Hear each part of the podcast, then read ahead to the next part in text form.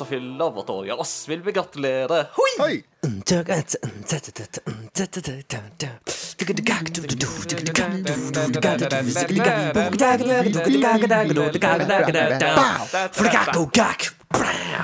Og Christian tok det av gårde med en trommesolo der. Men eh, vi har grunn til å feire. Mine damer og herrer, velkommen til episode 26 av Crossover Gaming. En podkast som nå fyller ett år.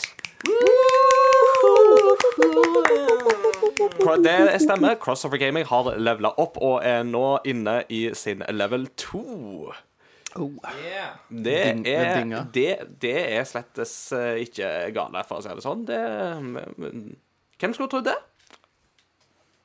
Jeg har iallfall trodd det. Ja. Jeg trodde, jeg trodde også det. Ja, jeg trodde det. Ja, vi trodde det. Og trust, uh, trust meg. Eller trust me. Trust meg, det var jo Trøst, trøst meg, dere. Jeg er så lei meg. trøst meg, trøst meg. Trøst, trøst mitt folk. Men uh, nei da. Det, det er bare å ta med ro. Vi er godt i gang med år nummer to nå, og skal fortsette til krampa tar oss. Så mm. vi har bare We have only just begun.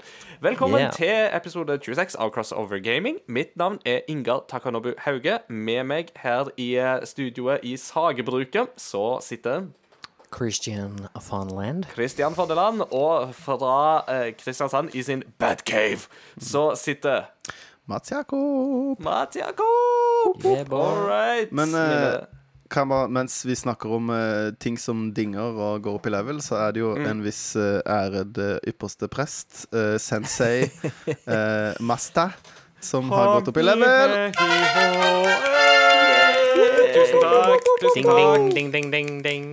Det, det føles godt å høre Dragon Quest eh, level up-musikken bare dinga inn igjen eh, for å markere min eh, avansement rundt sola. Hva for en eh, skill point eh, valgte du når du gikk opp i level nå? Du, nå som jeg er level 32, så vet jeg ikke om jeg fikk velge så masse sånn skills og sånne ting akkurat nå, men nå er jeg på recommended level for um, expansion packs i The Witcher 3, så Yes! uh, nå kan jeg endelig begynne på, på den første av de der.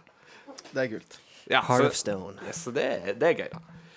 Nei, um, som dere da skjønner, dette er en jubileumsepisode der vi ehm, skal snakke litt om året som har gått, eh, og eh, rett og slett mimre litt. Grann, eh, og ta, oss, ta dere gjennom det liksom første halvannen til to timer Eller ikke første, men eh, ja, halvannen til to timer. Og vi regner òg med at uh, vi kommer til å snakke litt om liksom, veien videre i løpet av kveldens episode. Men ehm, gutter, har det skjedd noe annet siden sist som dere vil dele? Må jeg her. Ja, vi- mens du tenker, så kan jo jeg ta min eh, lille episode. For um, jeg var jo på loppemarked rett ved siden av deg her, Christian. eh, Ja, for bare et par stemmer. uker siden. Eh, og da fant jeg en aldri så liten um, kuriositet, som jeg ikke skal snakke om i dagens kuriositet, men eh, eh, for, for eh, jeg liker å dra på loppemarked og sånn for å se om vi finner gamle gaming-stæsj og, og sånt, og syns bare det er gøy å liksom kjenne på loppemarkedsstemninga. Og i elektronikkavdelinga så fant jeg en PlayStation 3. Ikke så uvanlig i seg sjøl, men denne PlayStation 3-en var litt spesiell, for den hadde fire USB-innganger og kortleser på framsida. Og da visste jeg dette er en spesiell maskin. Så enten så er det en debug-maskin, altså en sånn konsoll sånn som vi hadde i Game Reactor før i tida for å kunne spille sånne spesielle anmelderkoder av spill. Eller så var det snakk om den første 60 gigabyte uh, PlayStation 3-en som er bakoverkompatibel. Altså at den kan spille PlayStation 2 og PlayStation 1-spill. Så jeg eh, tok litt research. Eh, Mats Jakob hjalp jo litt til der med prisanslag og sånne ting, og fant ut at den, den skal kjøpes. Så jeg kjøpte den, tok den med hjem, uh, pussa på den, og nå har jeg en bakoverkompatibel PlayStation 3. Gratulerer. Jo, tusen takk. Nei, og det må bare sies, den emuleringa der Eller det er jo ikke en emulering egentlig engang, for den har jo faktisk hardware inni seg fra PlayStation 2. Det er jo det som gjorde at den var såpass dyr. Men den altså, bildekvaliteten som du da får på en moderne 65-tommers TV med HDMI og hele pakka, den er så skarp. Den deilig. er utrolig deilig. Altså, så nå er jeg litt der at nå har jeg egentlig bare lyst å spille PlayStation 2-spill. Det er det jeg har lyst til i tida framover. Så jeg håper at til neste gang så har jeg kanskje spilt Space Channel 5 og Rogue Galaxy og mm. litt sånne, sånne spill. Det hadde vært veldig gøy. Så, det, var, det var et kongeøyeblikk nå, Mats Jakob, når du sa he-he-he, mens du liksom retta på brillene dine. Det var litt sånn der evil professor-stemning. Kledde meg, snurra på barten og I say! ja. I'm not just quite. the right thing for that. Nei, eh, det jeg skulle si, var det lukter en gode gamle reactor, kanskje fra, eh, Absolutt. Ja. fra ypperste presten. Absolutt. absolutt. Eh, det som jo er, Den spalten er jo primært sett forbeholdt når vi skriver om spill som vi har spilt før, som vi går tilbake til. Men uh, hvis jeg mm, går tilbake til spill som jeg ikke har spilt, uh, så kan det jo Da må jeg liksom vri litt på det, eller noe sånt. Men det er definitivt noe som jeg har lyst til å liksom gjøre og skrive om. bare sånt. Eh, selv om GameCube er liksom min pasjon fra den tidsepoken, så er det jo fortsatt gøy å kunne spille PlayStation 2-spill òg. Absolutt. Ja, og der er det jo biblioteket større. Så det var liksom en sånn liten sånn eh, Hva har skjedd siden sist, som jeg hadde lyst til å dele. For det var en sånn det var relevant for denne podkasten òg, tenkte jeg. Eh, nå vet jeg hvordan man skrur opp en eh, gammel PlayStation 3 og børster støv ifra den. Det trengtes for øvrig, for den var Det var så masse støv i den gamle. så det ble Ja, de bråker ganske mye, de viftene i den PlayStation 3 nå. Det, Mm. det var jo, ble jo populært kalt The Space Heater. Ja, ja, det var jo sånn Du husker jo fortsatt bare sånn Så det er jo nesten verre enn det PlayStation 4 er. ja. Men jeg vil kanskje si at PlayStation 4 er verre. Jeg vet ikke. Den bråker ganske mye, den. altså. Det, Ja. Ikke sant? Um, det er jo Jeg tenkte Jeg, jeg dropper det på hva du spilte, men jeg snakka jo litt med dere om det sist. Men jeg har jo begynt å spille eh, rollespill. Pen and paper Ja. RPG siden sist. Ja, ja, ja. det har du jo. Og det er så fryktelig gøy. Vi spiller Mm. da Pathfinder second edition. Aha. Så det som er da eh, Jeg trodde det var på en måte en, en mod Det er egentlig en mod av Dungeon, Dungeons and Dragons. Mm. Um, som ja, jeg syns det er skikkelig, skikkelig moro. Litt, litt, litt mer åpen combat enn det er i Dungeons and Dragons. Det er ikke så satt. Mm. Men jeg, skulle ikke, jeg snakka ikke om det her forrige episode, gjorde jeg det? Jeg tror ikke du gjorde det, uh, men uh, vi bare vi Vi har drøst litt om det før. Ja. Men vi har drøst litt om det Ja. før, iallfall. Det har vi. Mm, Det er veldig gøy. Og så spiller jeg med Ja. Nei, jeg bare sier, spiller jeg med noen eh, tidligere Noen kollegaer fra i fjor, så det er veldig hyggelig. Så får jeg liksom holdt kontakten med de. Det er jo Ja, veldig nice. Blant annet uh, en fastlytter som heter Sveinung. Så shout-out til Sveinung. Sveinung. Sveinung! Han uh, Når jeg kom og spilte der sist, så Det var da vi spilte på en tirsdag.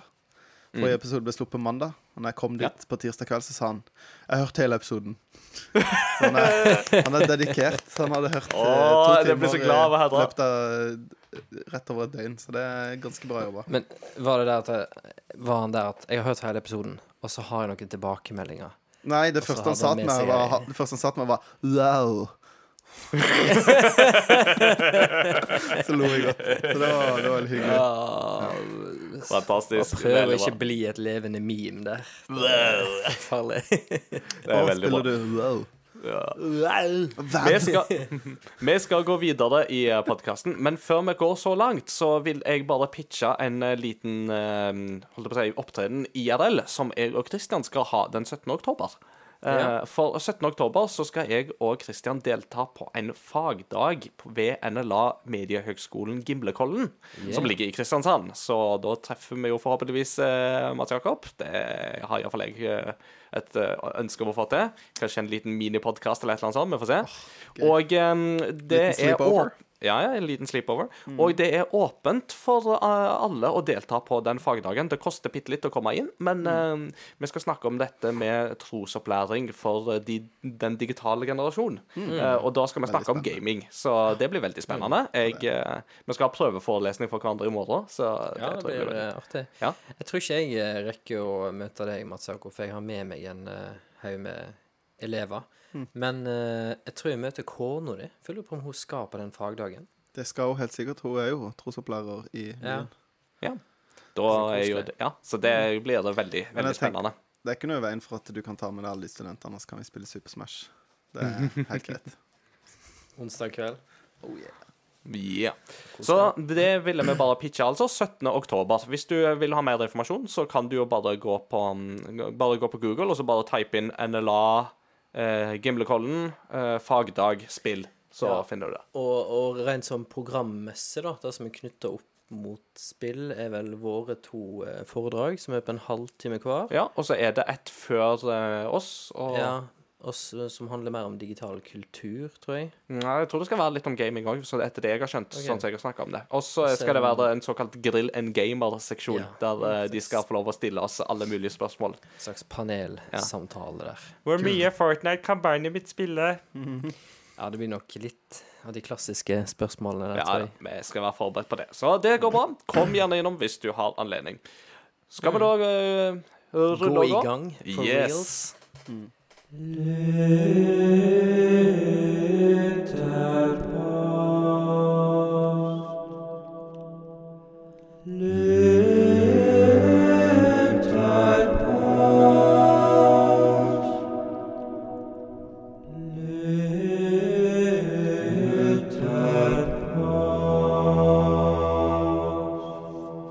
sakralt, det er stemningsfullt, og det er like gøy hver gang. Det er tid for lytterpost. Vi har hatt eh, kommunevalg for ikke så lenge siden. Vi var jo så vidt innom det i forrige episode, der jeg prøvde å få, få litt innsikt i hva i all verden er det som skjer i Kristiansand. Eh, men eh, når det er valg, så kommer jeg til å tenke på at dataspill uh, har jo mange konger, presidenter, statsministre og andre med, delvis folkevalgte uh, med.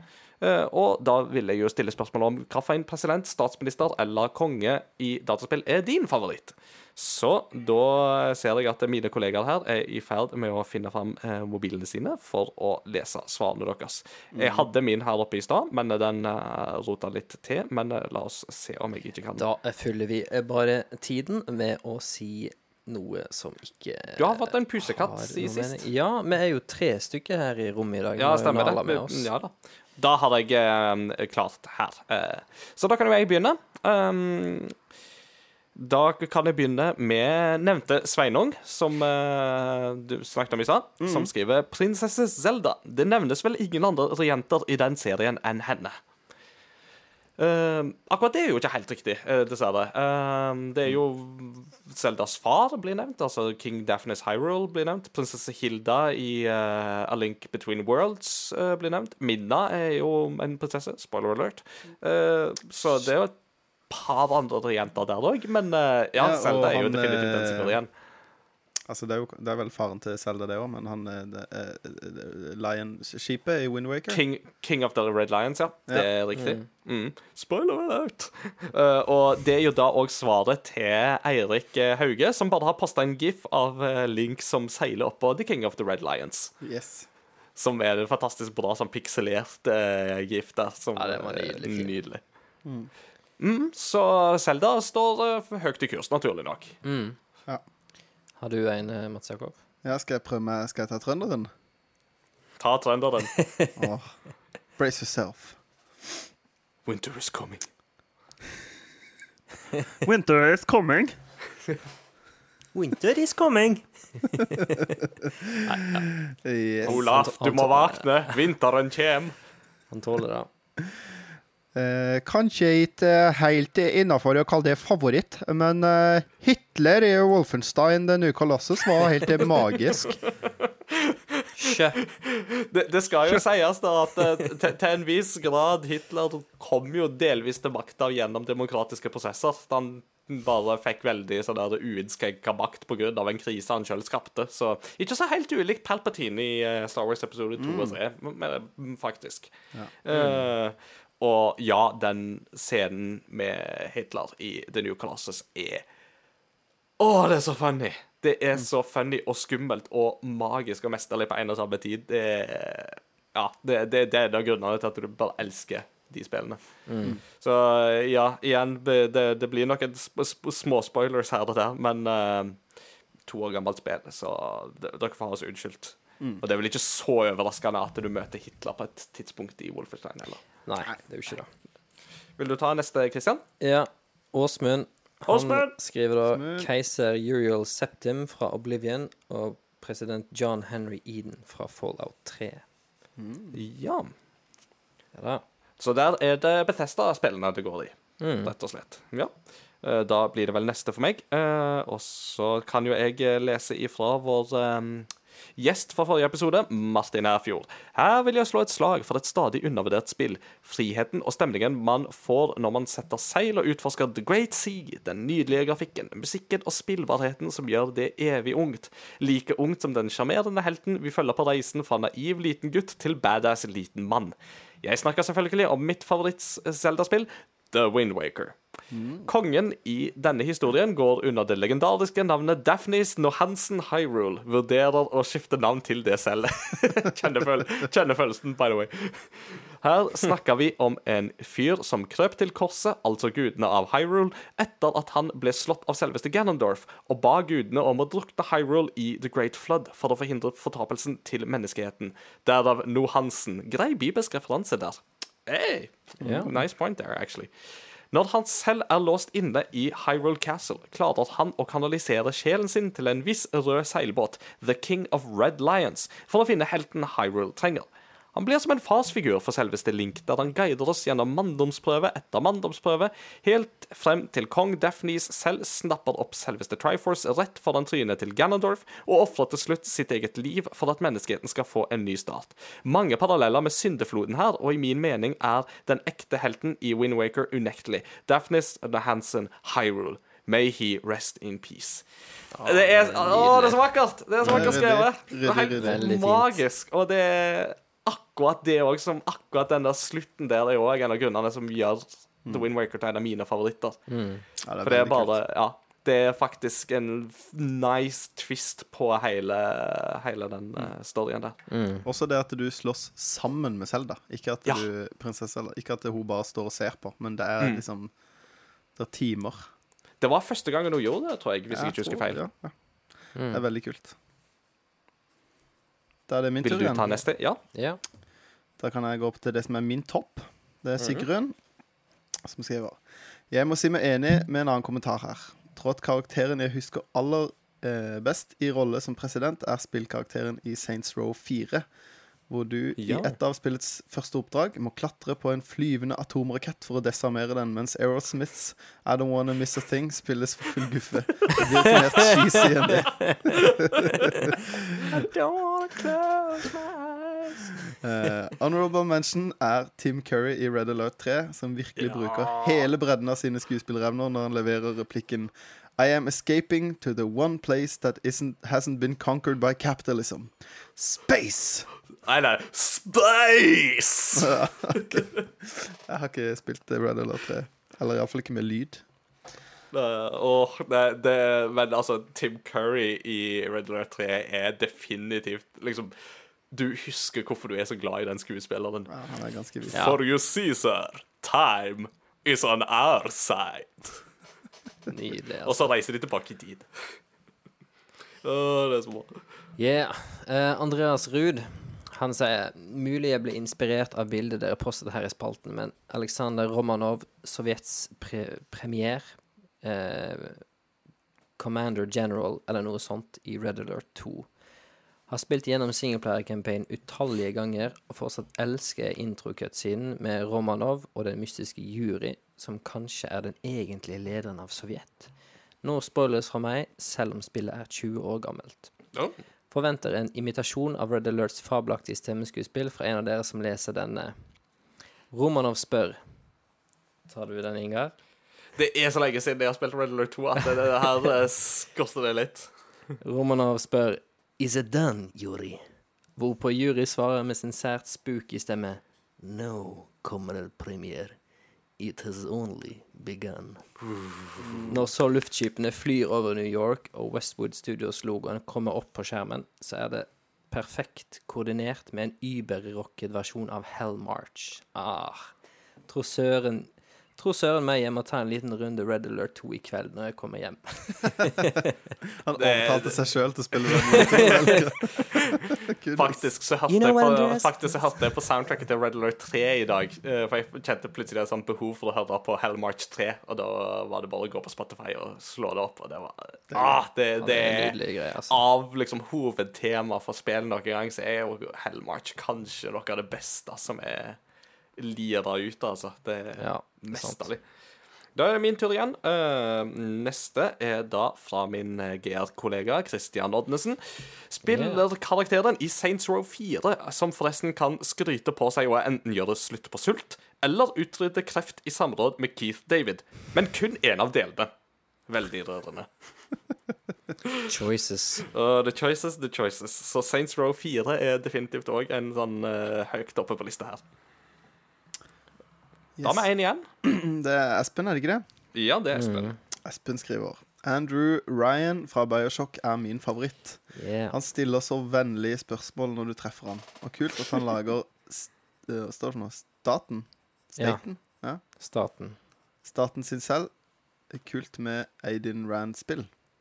Ayn Rand, ja. Ja. Altså, Ayn, ja, for ja, det er jo Ayn Rand som har skrevet um, Atlas Shrugged, som jo er den boka som uh, ligger veldig til grunn for Bioshock.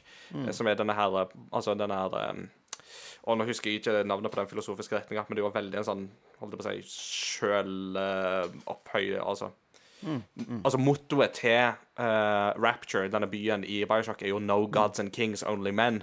Uh, og hele den på en måte premisset for den filosofien er at man må på en måte kaste av seg all på en måte moral og alle etiske begrensninger som mennesker har pålagt seg sjøl fordi at man skal tjene en gud eller en konge eller den høyere makt eller whatnot. Fordi det holder tilbake menneskene. Og Rapture er jo kroneksempelet på hvordan det på en måte Altså, De har bygd opp en hel by under vann som på en måte er til, dedikert til den filosofien, og så har det jo gått helt på tverke. Ja, ja. Eh, Så det er jo en sånn eh, En fantastisk sånn dypdykk i filosofien i Bioshock anbefales varmt. Uh, selv om jeg klarte å glemme navnet på den filosofiske. Ja, ja. Det er gøy spill, da. Har bare, Veldig gøy spill. bare spilt, men jeg har bare spilt én og to. Ja. Nei, men det er- begge er veldig gode. Eh, men vi har jo ikke snakka om våre favoritter ennå. Uh, så so you guys, Nei. har dere tenkt dere på hva deres eh, favorittkonger eller presidenter eller statsministre i, i spillet måtte være? Uh, jeg tror kanskje jeg eh, ble så revet med jeg her nå av eh, Martin sitt essay. Ja. så jeg lurer på om jeg må slenge meg på eh, kong, på kong Nohansen her. Kong Nohansen, ja. Noasen. Ja. Ja, nei, men det er ikke dumt, det. Mats Jakob, hva med deg? Nei, jeg syns jo um, I og med at jeg akkurat har spilt et, eh, en eh, viss remake, så syns jeg jo Prince Er det ikke Prince Rupert han heter? Nei. Russell? Nei. I, han uh, froskeprinsen i, i Link's. Richard, er det ikke det han heter, da? Richard er det kanskje. Spoilers! Okay, ja. Men uh, han eh, Det jeg fant ut Jeg så en video. Ja. Han, det er faktisk Han er egentlig fra et annet spill Ja. som eh, Jeg husker ikke hvem det var som var på en måte eh, hovedpersonen bak. Det var jo ikke samme teamet som lagde dette som lagde eh, Link to the Past. Men eh, de hadde da lagd et Zelda-lignende spill før det, som var Mm. på samme engine. Hvor da det de har på en måte Det er en cameo fra deres eget spill. Så det er fra, fra et annet spill. Han er liksom en cameo som vi i Vesten ikke tar, for vi har, det spillet kom ikke hit. Mm, ja, det, jeg tror det er riktig. Um, jeg um, prøvde liksom å tenke ut et lurt svar, men jeg kom liksom på at um, han eh, nå, nå, nå åh, nå sto det helt stilt når vi snakket her, liksom, men er det ikke Rufus han heter i Final Fantasy 7? Ehm, presidenten for Shindra Electric Company. Ja, ja, ja. Det kan godt hende. Det Jeg tror det er Rufus. Uh, Du vil ha en bad guy som eh, Ja, rett og slett. eh, Men det er noe med at han, eh, han eh, er jo sentral for plottet i Final Fantasy. ikke sant? Med at Han er jo egentlig sønnen til den egentlige presidenten for Shinra Electric. Eh, men så ender han jo opp med å overta faren sin plass ganske tidlig i spillet. Eh, og her snakker vi jo tross alt om et, eh, et verdensselskap som basically kontrollerer hele verden, så ja, Rufus, eh, hva han heter. Han har jo òg dette her eh, Han har jo òg en sånn her parade eh, som spiller for han når han kommer til den ene byen, og så må du marsjere i takt med soldatene og sånt, og så er det sånn Det er en sånn marsj som går i bakgrunnen. Som jeg prøvde å lære meg på piano en gang, men det å spille marsj på piano, det er utrolig vanskelig. Ja, det er ikke så greit. Nei, for at du må hele tida få inn denne her Altså, du må ha liksom veldig sånn rytmiske beats som gjør det veldig vanskelig. Men så, ja, jeg vil si Rufus fra Final Fantasy 7. Kult. The president of Shinra Electric Company and also the world. Så der har vi det.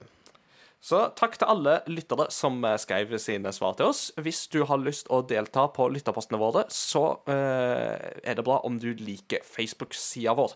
Da vil du få opp lytterposten mandag før vi spiller inn episoden, og så kan du skrive inn ditt eget svar. Hvis du ikke har eh, Facebook, så kan du òg skrive til oss på Instagram eller i Messenger til en av oss der. Enten i Crossover Gaming sin felleschat eller til en av oss privat. Det får du veldig lov til. Eh, skriv og vær med, og så eh, bli en del av menigheten. Apropos det, du har ikke fått fra Kjetil? Dessverre, for jeg glemte å skrive til Kjetil. Det var mea culpa, rett og slett. Det ble litt uh, travelt denne veka her, så da er det Sånn kan det, yeah. sånn kan det gå. Men vi hopper videre. Ja.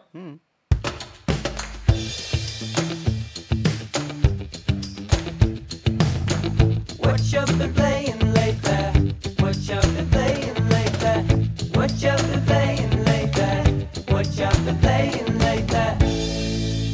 I just have one answer to that song. Valve. Wow. Valve. Been playing Valve. Du spiller Wow. Men eh, ja, Christian, er det Wow du spiller for Du, tiden? jeg har eller? faktisk testa det hos uh, down the rabbit hole we go. Goodbye Society. Goodbye, Goodbye wife. Time. Goodbye Yellow Brick Road.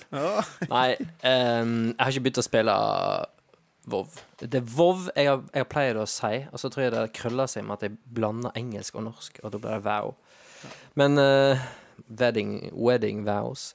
Men uh, jeg har i hvert fall uh, Jeg, har- jeg testa det bare så vidt hos uh, dobbel gjest Martin. Ja.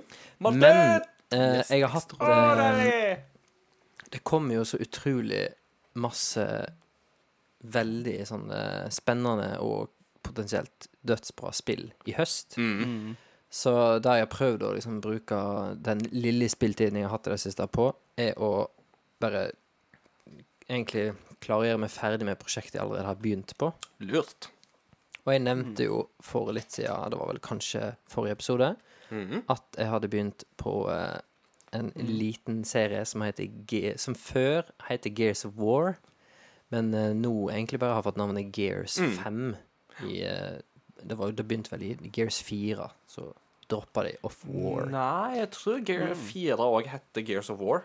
OK. Ja, så jeg tror dette er det første spillet der det bare heter Gears. ok Um, Og nå når jeg har gjennomført det, så sitter jeg på en måte igjen med å Med, med at den, den liksom beste Det spillet jeg kan liksom eh, mest naturlig sammenligne det med, eh, for å finne ut om det her Om det er en suksess eller ikke, Ja. er God of War. Ja.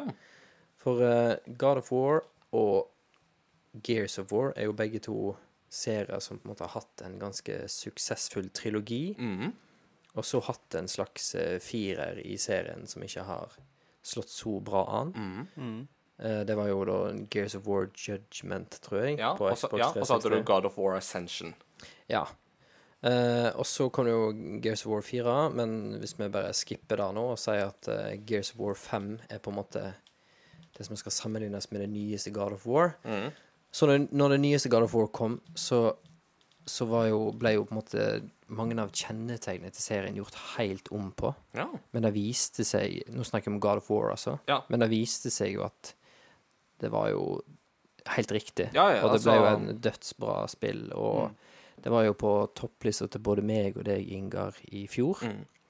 Um, mens Gears 5 gir veldig lite nytt. Mm. Det er rent sånn gameplay-messig så er det akkurat samme skyte- og cover-mekanismene. Um, og kanskje det jeg føler er den største endringen som, er, som jeg liker litt, da, er det som de gjorde i God of War, at du, har en, du får en slags semi-åpen verden. Ja. Og jeg, jeg syns det, det er digg med verdener som ikke er for store, for at da tar spillet for lang tid. Det kan være kult hvis det er et spill som er det er det ene kule spillet de månedene der.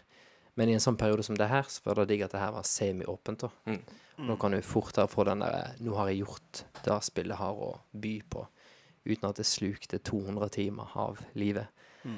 Um, men um, litt litt for lite nyvinning. Nå er det jo ikke så mange måneder siden jeg spilte Gears of War 4. Nei. Og det er ikke så veldig stor eh, forskjell altså, når det kommer til gameplayet. Men når uh, Jeg er jo en uh, kar som er glad i en kanal som heter Digital Foundry, Ja. som da tilsier at jeg òg er litt glad i grafikk. Mm.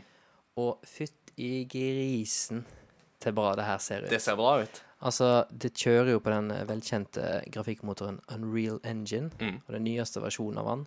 Og de har eh, push, pushed it to the max, altså. Wow. Det både ser nydelig ut, og det er så vanvittig bra optimalisert. Ja.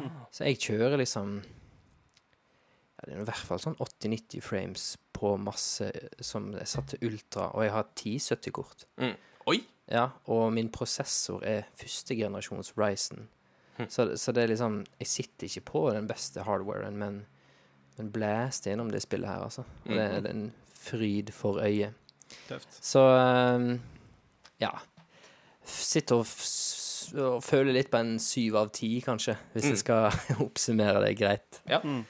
Ehm, men jeg ble ferdig med Gears, Gears 5, Mm. som det heter. Og da har fått eh, hoppet videre på litt videre på Greedfall, som fortsatt er liksom litt for tidlig til å si noe særlig om. Ja.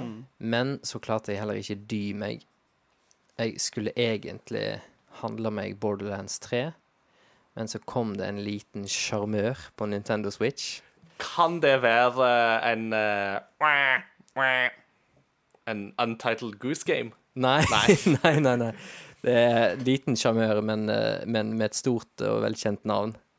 Ori and the Blind Forest? Nei, nei, nei. nei, nei. Det, Et spill som du har Link? spilt, Ingar. Det er Links Awakening, vet du. Selvsagt. Nå tenkte jeg Det var en liten sjarmør. Ja, vet du. ja, Du ja. begynte å tenke altfor komplisert. Ja, Veldig, veldig søt, liten sjarmør. Mm. OK, uh, bare for å avklare. Ja. Alle vi tre har spilt Links Awakening, ikke sant? Ja. ja. Let's talk about Links Awakening. Uh, jeg er nok uh, Jeg er nok den som Jeg tror det er såpass nytt at jeg tror ikke vi skal gå altfor langt i, i diskusjonen. Bare enten når det kommer til sånn eh, story-ting og sånn. Men det er jo et 26 år gammelt spill. Ja, men eh, egentlig litt for min egen del. For Ja. jeg har tatt bare ett tempel. Ja, Men eh, da skal vi ikke spoile så mye story-content. Nei. Men eh, så langt, da, så er inntrykket Det er jo nydelig. Mm. Kjempesjarmerende. Eh, og litt weird på en herlig måte. Plutselig er det Tode, plutselig er det Goombas der. Og så har du den der Bow Wow, som er den herre eh, Chain Chompen. Ja, Ja. den der eh, Som du kanskje husker best fra Mario 64. Mm. Mm. Stor, svart, ja, stor svart kule av en bikkje som henger fast i ei lenke som Ja, og som liksom prøver, Altså, den prøver å ta deg. nappe tak i deg. Ja. Så jeg kvakk godt til første gang du møter den i landsbyen i Links Awakening. Så bare, shit. Men han, han skader deg jo ikke, han er jo vennen Men din. Liksom. Kristian, du har ikke spilt dette på Gameboy? Nei. Det er første gang du spiller det? Mm. Mm, lucky you. Det er jo rett og slett magisk. For eh, Mats Jakob, du har jo spilt det før. Oh, many times. Many, many times, Eh, yes. Det er veldig vittig, fordi at eh, jeg har eh, den, den første versjonen jeg har av det, er den til Gameboy Color. Og den eh, lånte jeg en kompis da jeg var liten. Og så har jeg bare aldri lært ble det aldri levert tilbake. Og så er det kjempevittig, for når den remaken her kom nå, så har jeg akkurat begynt å jobbe med han jeg lånte det spillet. Så jeg bare, Konge. han bare ja, Destiny. Han driver og spiller World of Warcraft, da. Så jeg bare, han bare, ja, hva gamer du? Nei, jeg spiller Link's Awakening. Og forresten, jeg har ditt Gameboy-spill fra som jeg lånte deg for 20 år siden. Så han bare, å ja, ja, ja. Har han fått det tilbake nå, eller? Jeg tror, altså, jeg, jeg tror ikke han får lov. Nå er det mitt. Jeg har hatt det lenger enn han.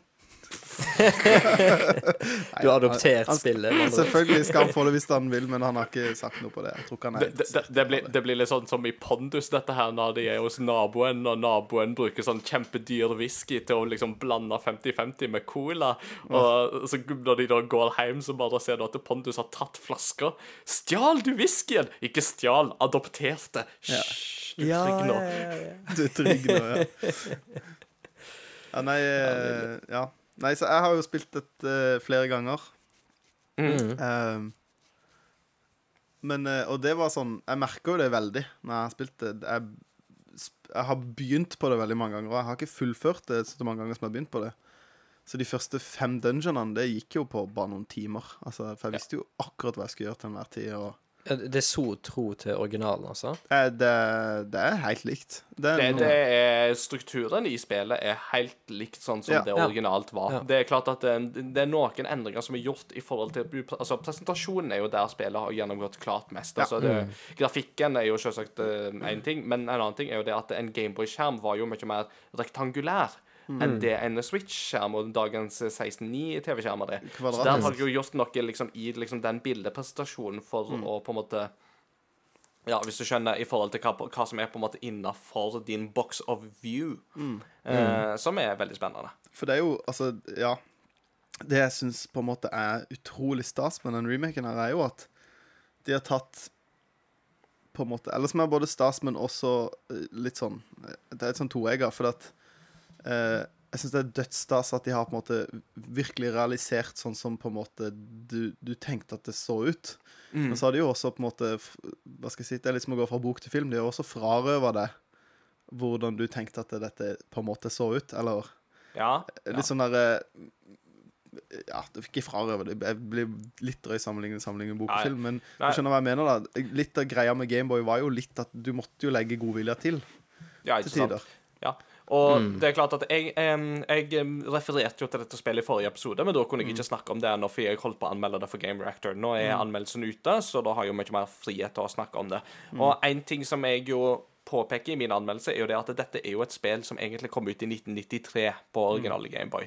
Så det er 26 år gammelt, og det merkes på både godt og vondt. Um, og litt av det vonde er jo litt med at noen av disse strukturelle delene av dette spillet føles veldig rart å gå tilbake til etter at vi har på en måte fått nyere Zelda-spill, alt fra Ocarina of Time, Twilight Princess, Skyward Sword, men særlig da A Link Between Worlds og Breath of the Wild, der de virkelig tør å tenke veldig kreativt med hvordan vi på en måte angriper Zelda-formelen med tanke på dungeons og utforsking og alt det der.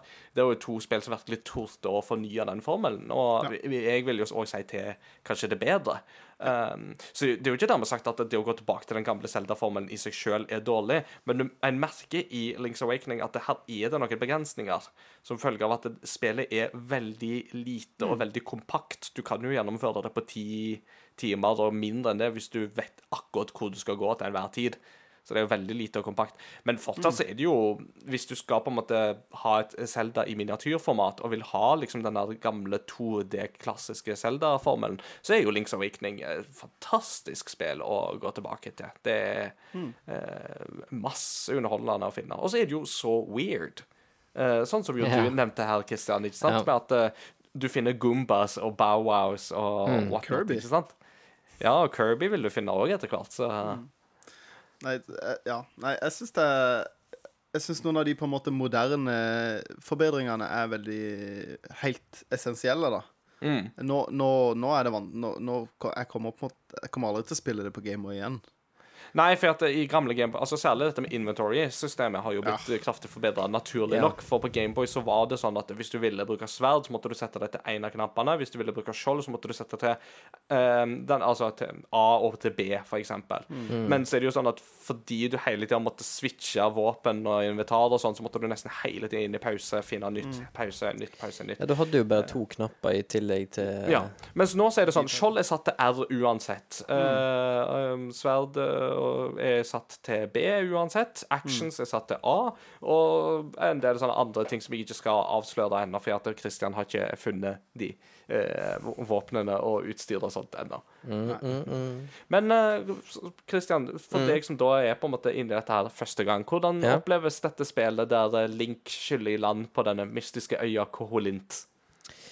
Eh, det oppleves litt sånn eh, som et sidespor i Zelda-universet, da. Mm.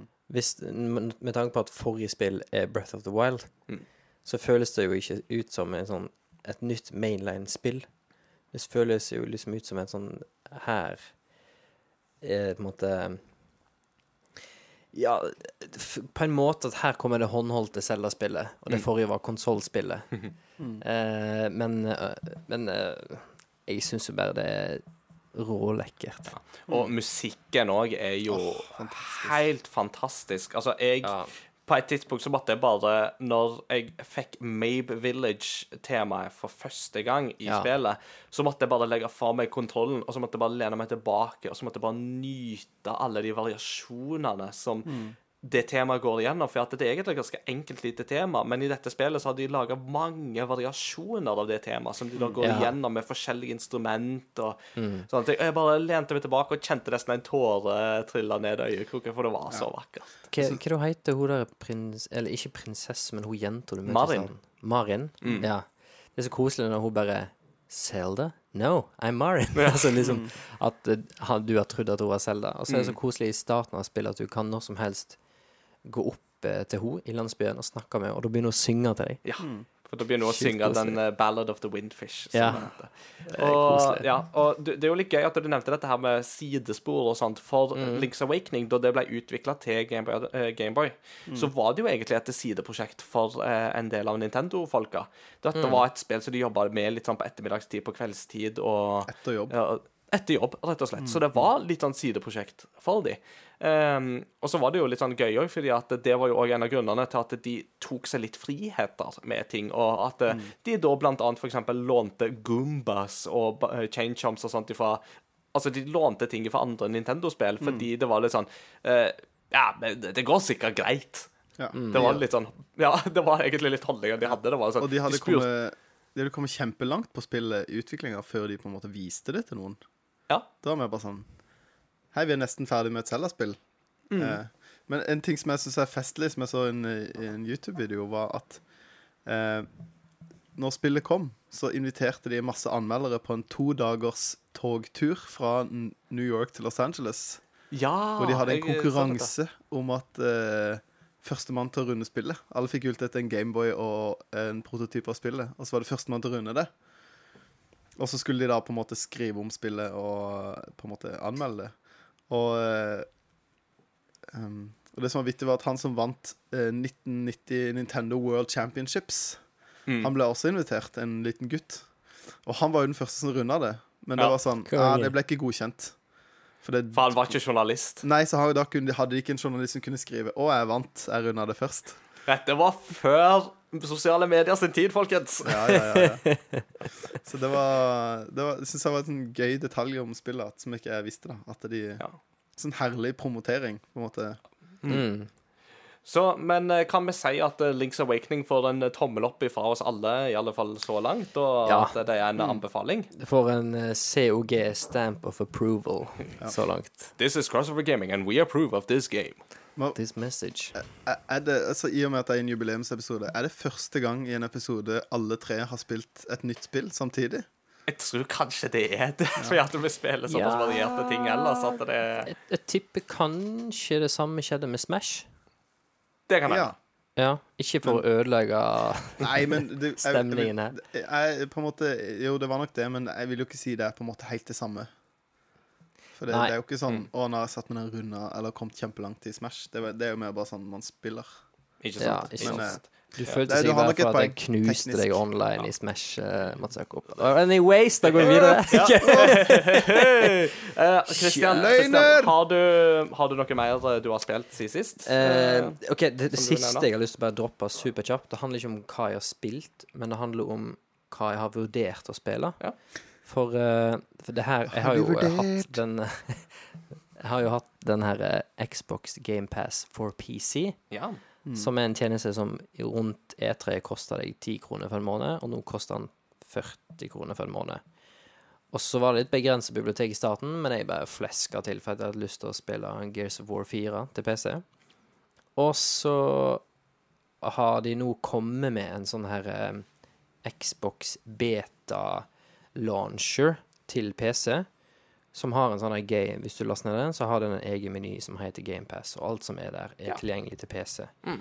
Og så gikk jeg gjennom det biblioteket der og bare Steike, her er det masse bra greier. Sånn. Bloodstained, uh, Wolfenstein 2, Metro Exodus Mange sånne store spill som ikke er Microsoft eksklusivt, men som bare har eh, har blitt en del av den plattformen der.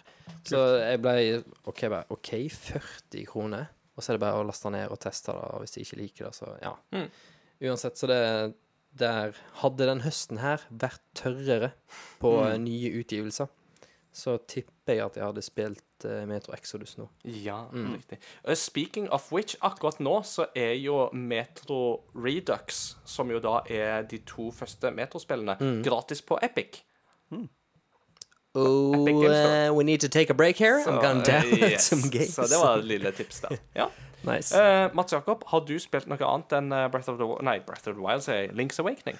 Uh, ja, jeg har spilt eh, eh, Greedfall. Ja, ble så så du har jo begynt på det. eh, jeg ble så inspirert uh, forrige episode. Der Christian, Kristian, det hørtes så gøy ut, og så begynte jeg på det, og så var det, er det veldig gøy. ja, men hva, hva spiller du da på? Nei, jeg har eh, Jeg byttelåner Wii U-en min mot en PlayStation 4 med en kompis. Stemme, stemme, stemme. Han ville spille Breath of the Wild. Jeg sa ikke det at jeg, jeg har ikke hatt Wii Jo da, U-en min i hus på snart to to jo, år. du nevnte det for noen av uh, episoder siden. gått jeg en rundgang i vennegjengen. Mm. Uh, sånn at uh, Jeg har begynt på det, Mm. Uh, og det er kjempegøy. Yeah, konge. Jeg liker det skikkelig godt. Uh, Ja. Til tider så ser det jo ut som et PlayStation 2-spill i sånn eh, ansikter og sånne ting. Det Ja. er jo eh, super-janky til tider. Eh, Ja. men, men gameplayen er bra. Altså Jeg, jeg liker Ja, gameplayen. for det, det, Bare, hva skulle du si? det Nei, altså, det, det jeg skulle si at liksom i de siste årene så føler jeg at eh, dobbel A-spill har Mm. plutselig fått et marked. Warframe er et Ja. dobbelt A-spill. Og jeg føler Greedfall òg er et dobbelt A-spill. Det er et stort Ja. prosjekt, men vi lager et relativt lite team. Mm. Og det har blant annet gått utover, sånn som du sier, ansiktsanimasjoner. Men det har Ja, ikke det- gått utover dialog og uh, kreative ideer og sånne ting. Ja. Nei, det har ikke gått ut, altså, men du merker jo at de har jo ikke hatt liksom Rockstar sitt stemmeskuespillerbudsjett, på en måte. Nei. Nei, eller motion Det sånn- capture. eh, Ja, det er litt sånn Å, dyr chancellor! Nei, nei, nei. Det er litt sånn Ja, det, det er ikke Altså, ja. Litt tacky, men fortsatt uh, underholdende. Ja, det er ikke dårlig. Jeg vil jo heller ha det enn å bare sitte og lese tekst, men, men det er ikke Ja, det er ikke Mm. episk høyt, det budsjettet der. Nei, nei. Og, det, Men og det skal jo nevnes at det forrige spillet som disse lagde Eller de, de Spider er jo det studioet. Og et av de forrige spillene de lagde, det var jo Technomancer. Hvis jeg ikke husker feil. Og det var jo i praksis uspillbart på Nei, altså, veldig få som har spilt det, men de som spilte det på PlayStation 4, var sånn dette er nesten uspillelig, for det var nede i sånn ti frames i sekundet eh, på ganske jevn basis, og veldig janky og veldig dårlige animasjoner, som du sa. Og det er liksom berykta Ja. som et veldig uspillbart PlayStation-spill. Ja. Så det er jo godt å se at det- det, det er kommer litt opp, da. Ja. Nei, det, det er jo tidvis eh, Tidvis eh, ganske mye framerate eh, drops i det spillet her òg. Men eh, mm. Ja, men som du sier, det er liksom med forventninger nå. Jeg tenker ikke at dette er Elder Scroll 6, og derfor så på en måte blir jeg ikke skuffa heller. Og så, og så har jo jeg spilt veldig lite. Jeg har, eller sånn, jeg har jo ikke spilt et sånt her spill siden Skyrim på Xbox 360, for ja, når jeg begynte å spille det, så hadde jeg ikke flatskjerm-TV engang. Å- Det var grunnen til at jeg kjøpte flatskjerm-TV, var fordi at eh, jeg klarte ikke å lese Alle de der menyene oppi toppen av skjermen forsvant jo. Ja, ja, ja, stemmer. Så jeg kunne ikke se hvor jeg skulle gå i questet mitt, for jeg så ikke denne gule pila. Eh, eh, men eh, Sånn at eh, for min del så har ikke jeg liksom Jeg har ikke spilt Witcher, jeg har ikke spilt masse av disse spillene som dere har spilt. Sånn at eh, min Jeg føler ikke min liste er like høy heller. Mm. Så sånn sett så er jeg jo på en måte glad for det, fordi at da Jeg blir ikke irritert av sånne småting som jeg kunne blitt irritert av, da. Um, men eh, nei, jeg har ikke kommet kjempelangt. Jeg har kanskje spilt ti timer. Sånn at det, Og, og er litt sånn derre uh, En kasse som lyser, den kan jeg lute. Så jeg bruker jo dødslang tid. Mm. Eh, sånn at eh, Men det, det er kjempegøy. Ja. Eh, liker det veldig godt. Så spilte Links Awakening, og så eh, fikk jeg en pakke i posten. Jeg bestilte en del eh, spill til min Sharp Twin Famicam. Hey. nice. Jeg har ikke fått Discriven til å virke ennå. Jeg har ikke begynt på det prosjektet, men jeg har fått masse tips. Jeg Ja. har blitt medlem i en eh, Retro Collectors-gruppe i Agder eh, på Facebook. Eh, Oh, Nice. så der har jeg fått litt tips av en fyr der. Men eh, ja. Kult. jeg har kjøpt meg da Star Wars til Famicom, som er et helt annet Star Wars-spill enn det som kom her i Vesten Mm. på eh, Nintendo. Og det er veldig, veldig mye bedre. Eh, og har en sånn deilig blå, shiny blå kart. Eh, eh, hvor da du i første scenen eh, drar inn til de her eh, åh, Hva heter de her små som selger droids? Jawas. Ja, Jawas. Du kommer inn i den der eh, Jawa-transporteren. Og der møter du plutselig Darth Vader. Og jeg bare What?! Og så slår, og så, og så slår This du is han not canon. Ja, så slår du han en gang, så blir han til en stor skorpion. Så det var sånn What?! Japan. Ja, ja. Hei! Nei da. Så det er kjempegøy spill. Bra kontroll. Sprutende vanskelig. Um, så jeg kjøpte det, og så har jeg kjøpt uh, et spill som jeg egentlig bare kjøpte basert på at soundtracket er så vanvittig bra. Så det er jo et 8-bit RPG som jeg nesten ikke kan spille, men jeg setter det på egentlig bare for å kunne høre på musikken. Men det er et spill som Jeg vet ikke helt hvordan jeg skal uttale det. Eh, Når jeg hørte om det første gang, så kalte han det for Wow. L- Lagrange Point, men uh, Lagrange Point blir det vel. La Men Garage. Le Garage Point. Nei, eh, men det er en sånn sci-fi RPG som jeg gjerne skulle hatt en eh, Det fins nok en oversettelse et sted som jeg kan laste ned og spille. Ja. Men eh, eh, ja, det er et, eh, et, et japansk eh, RPG som faktisk koster ganske mye penger. Nei, ikke ganske mye, men vanligvis så koster jo 8-bit RPG-spill. Hvis du kjøper Dragon Warrior-spilleren eller Dragon Quest-spilleren, så koster det jo fort 20 kroner. For dette, de solgte jo millionvis, og det Ja. er bare japanere som kan spille det. Men det her er et spill som fremdeles er høyt anerkjent da, i Japan. Ja. Så jeg har veldig lyst til å teste det. Og så det siste jeg kjøpte, var eh, et Splatterhouse-spill som kom til som, eh, Hvis ikke jeg husker feil, så det, heter det et eller annet som Waku Waku Graffiti eller noe sånt. Men det er sånn SD-spill, sånn super deformed, så du har sånne små, eh, søte versjoner av eh, Splatterhouse-karakterene. Og for de som ikke vet hva har hørt om Splatterhouse før, så er det en sånn eh, Du er en fyr med et balltre og en sånn eh, eh, eh, hockeymaske ja. eh, som går rundt og dreper zombier og monstre og sånne ting. Eh, Mm. men det her har de tatt veldig masse friheter og gjort veldig mye gøy. Så første bossen du møter, er en zombie Michael Jackson som får alle Som får alle Som får alle, alle, alle monstrene til å danse med han til en sånn 8-bit-versjon av Thriller. Så det er litt sånn Det er kjempegøy. Å, fantastisk. Jeg det, er solgt. Ja, du må teste det når du kommer hit, Ingar. Det er kjempegøy. Oh, amazing. Så det er det jeg har spilt. Ja, riktig. Um, da er det jo min tur. Um, Links Awakening eh, har vi jo snakka masse om. Um, mm. bortsett fra det så har jeg plukka litt opp igjen Ace Attorney, uh, Phoenix Wright, Ace Attorney Trilogy. Yeah. Mm. Uh, og blitt nesten ferdig nå med det første spillet der. På Switch. På da. Switch, ja. Ja. Uh, hadde en liten pause, pause etter Japan-turen, men uh, plukka det litt opp igjen. Og er fortsatt veldig gøy å rope 'objection'! Selv om det ikke har noe å si når du spiller på Switch. Så Hey Siri. Eh, Så ja, veldig underholdende.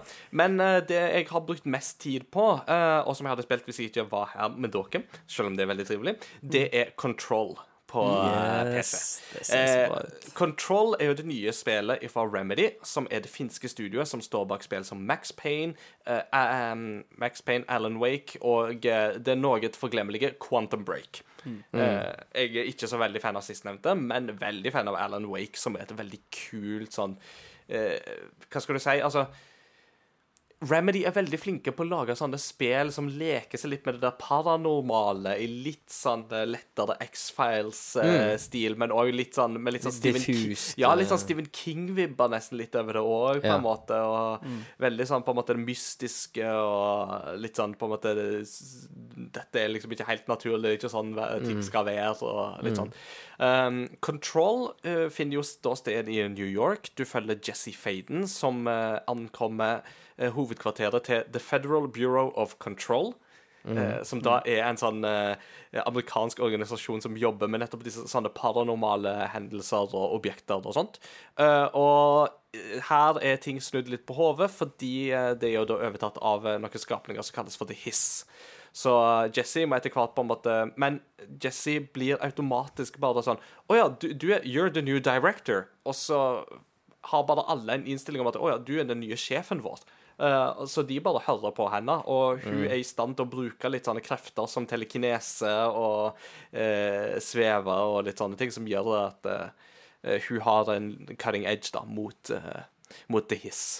Altså, når, når du sier The Hiss, Ja. Mats Jakob, så tenker jeg automatisk på Høgskolen i Staffels gate. det er kanskje ikke det som er bad guyen her. Det kan jo tenkes at noen på Remedy gikk på Høgskolen i Staffels gate på et eller annet Når du, tidspunkt. når du kobler de to, så tenker jeg bare på sånn Når du sitter på møte, og så er det noen to rader bak deg som, som taler i tunga og så er det sånn Sånn, Ja, det, sånn- ja men, det er faktisk, men det er jo litt sånn, for når du Ja. går rundt i uh, The Federal Bureau of Control, så hører du jo litt sånne stemmer her og der som er litt Ja. sånn diffuse, som du ikke helt klarer å sette på plass. Og så Ja. forandrer jo bygningen seg litt, grann, og med jevne mellomrom så får du litt eh, beskjeder fra Ati. The Finlandish janitor. Uh, og det er så gøy, for han har liksom überfinsk aksent og mumle og litt sånn og og så er det finske skjellsord og sånne ting. Og noen ganger så kommer han med sånne uttrykk som han da tydeligvis har oversatt fra finsk til engelsk, som ikke mm, gir mening. litt sånn som når Torbjørn i Overwatch sier 'Don't get caught with the beard in the letterbox'. Drar han opp en Nokia òg, da, når han skal snakke Det i er ikke telefonen? langt ifra. Han går og hører på en Walkman, så det er jo litt sånn eh, Yes, klassisk. Uh, Eh, Rusty 3310. yes.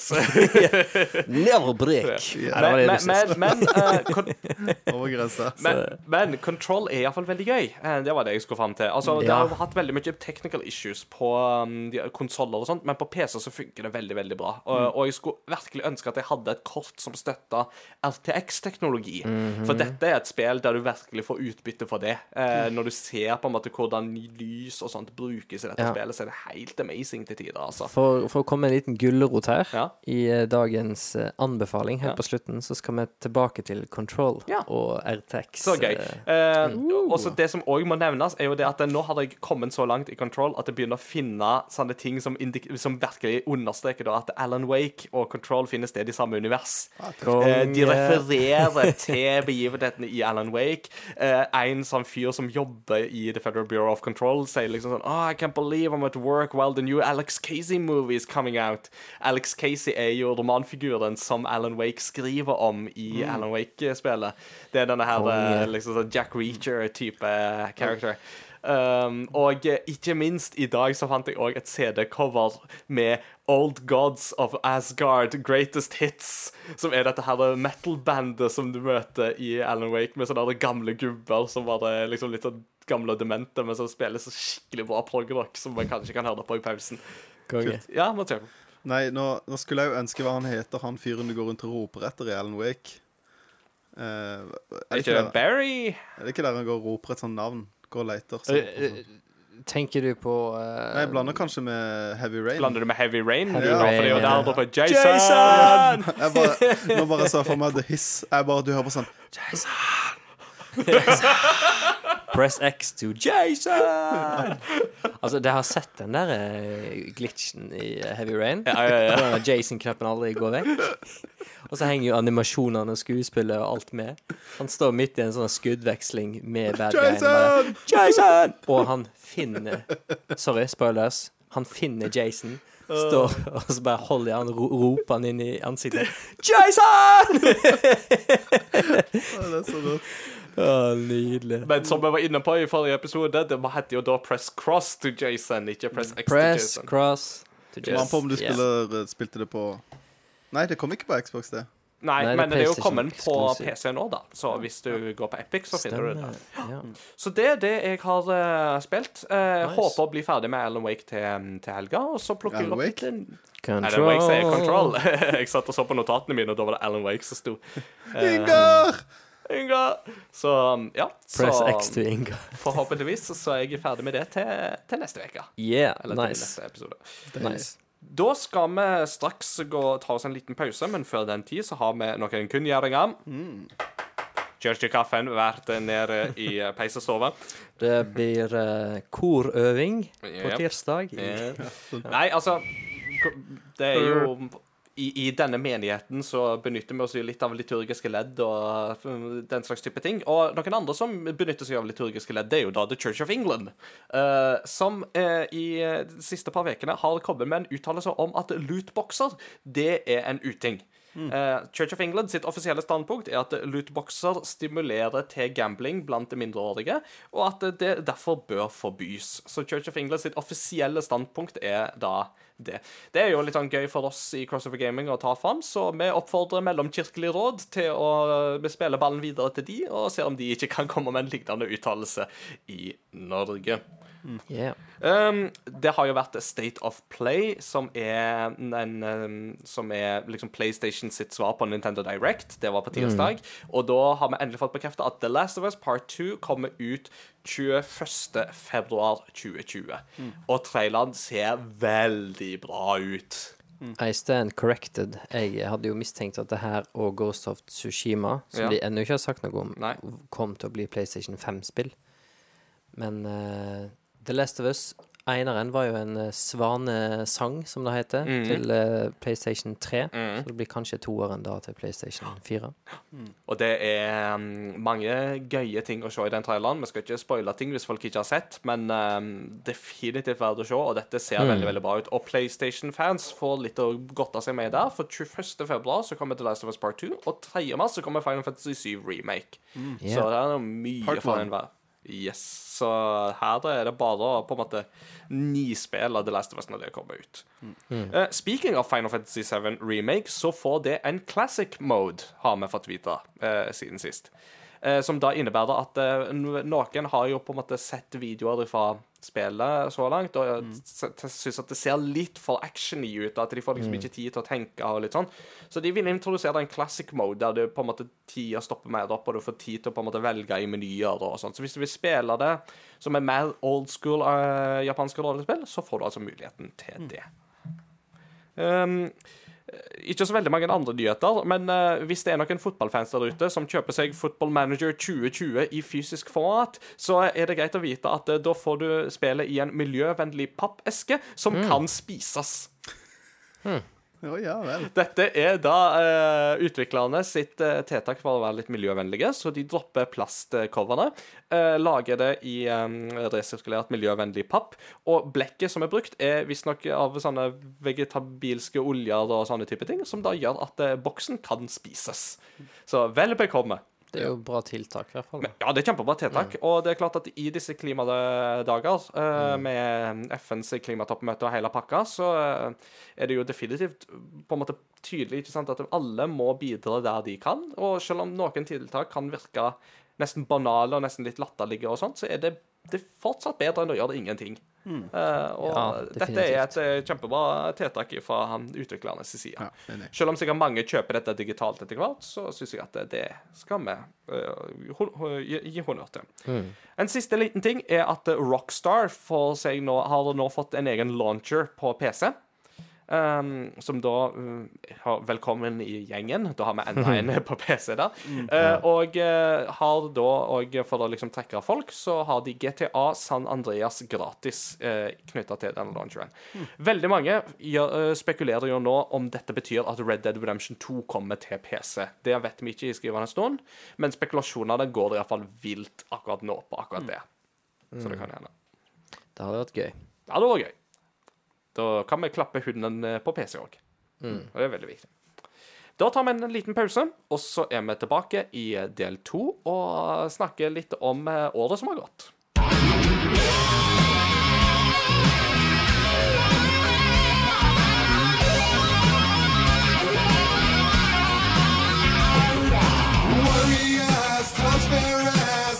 Redeem our dreams.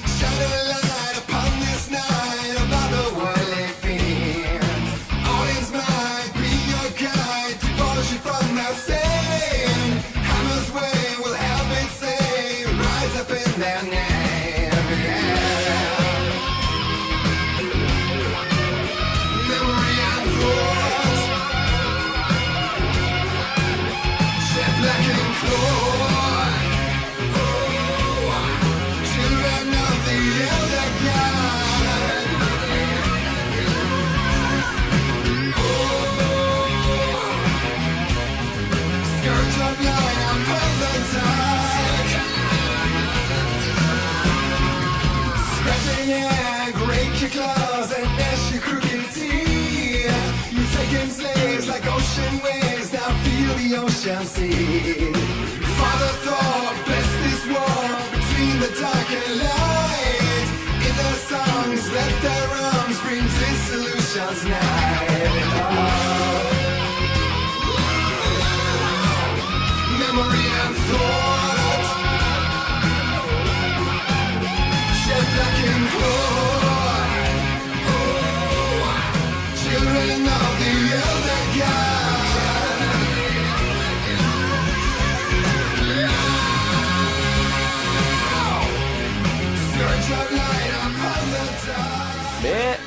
En eh, liten pause bak oss her nå, så kom jeg jo på en eh, liten nyhet som jeg glemte å nevne i stad. Og det er jo det at eh, 23. september så fylte Nintendo svimlende 130 år.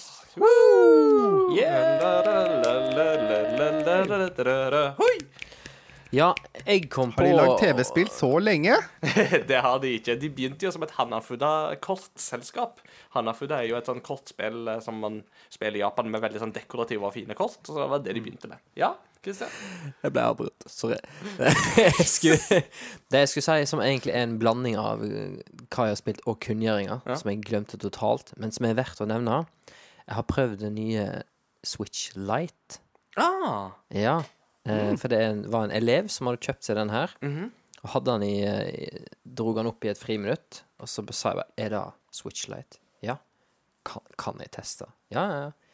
Og den Det er altså på papiret en Switch som du ikke kan eh, dra av jokeren på og ikke koble til TV-en. What the heck? Men det er en solid eh, hardware, altså. ja. Det er jo eh, håndholdt only, men, men så er den jo bedre håndholdt enn den originale Switchen, med tanke på batteritid, og selv om skjermen er litt mindre, så blir bildet skarpere.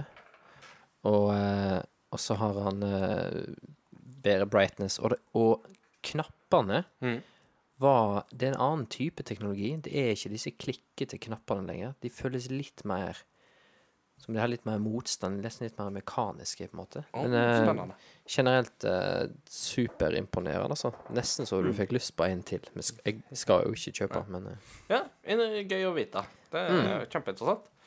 OK, folkens. Nå har vi holdt på med denne podkasten i et års tid, og det er på tide Yeah. å se litt tilbake og mimre litt på tida som har gått, og se litt framover. Eh, Mats Jakob, du nevnte jo på det med at begynnelsen vår var jo ikke helt smertefri. Det um, var jo litt eh, rusk og rask og lommerusk eh, til å begynne med. Det var eh, rocky start. ja. Ja.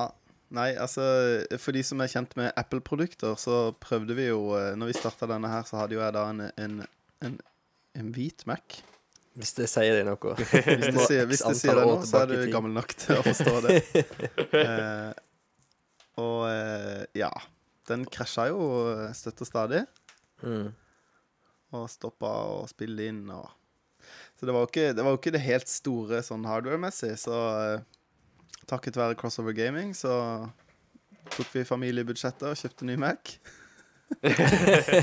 Så Begynn en podkast, så vil eh, din eh, bedre halvdel gå Ja. med på at du investerer i bedre hardware. Og sånn som disse episodene her Det var vel Var det to fulle forsøk vi gjorde, og så gikk det tredje gangen? Det er riktig. Det var 'third time was indeed the charm'. Ja, og da vil jeg egentlig si at tredje kvelden vi faktisk samla oss eh, alle tre, Ja. eh, så, eller oss to og du, Mats Jakob, over nett, så Så det gikk jo tre kvelder med før vi fikk det her Ja. til å gå. Og det er veldig surt, fordi at den andre episoden som vi lagde om Red Dead Redemption, var veldig bra!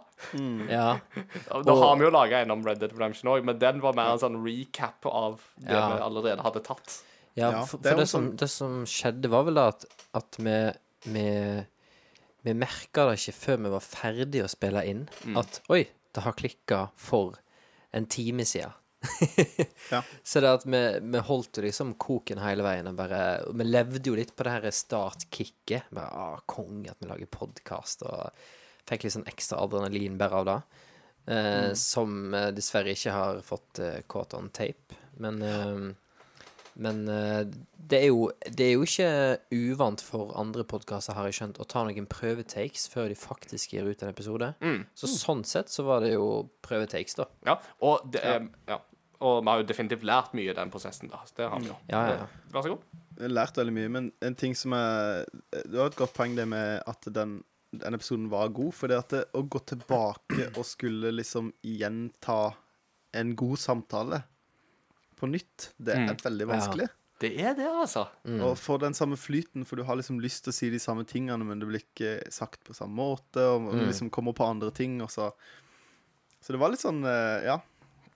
Den, eh, den første versjonen var bedre, dere dere klippa av dere som lytter. Jeg husker liksom følelsen av liksom når, når det gikk gale første gangen, så var det sånn ah, crap. Ja, ja.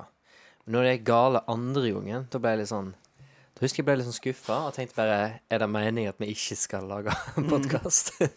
Men eh, så gikk det jo. Og, og Som en eh, dans.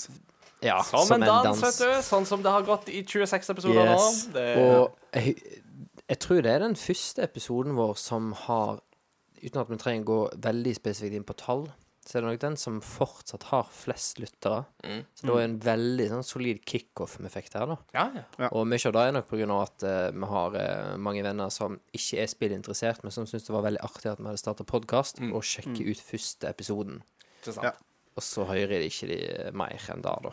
Ja. Nei, nei det, og det, det syns jeg Jeg husker jeg synes det, det var kanskje det som var mest stas, var å få tilbakemeldinger fra folk som er på en måte For jeg hadde ingen forventninger om at folk som ikke er gaminginteresserte, gadd å høre på i det hele tatt. Som Mm. at det var litt sånn derre Å, du har laget en spillpodkast? Ja vel. Gøy, gøy for det. Men, men eh, jeg husker eh, det som var liksom gjorde mest inntrykk på meg, var når jeg hadde en Jeg fikk en katt opp på Ja, fanget her, så jeg bare skvatt litt.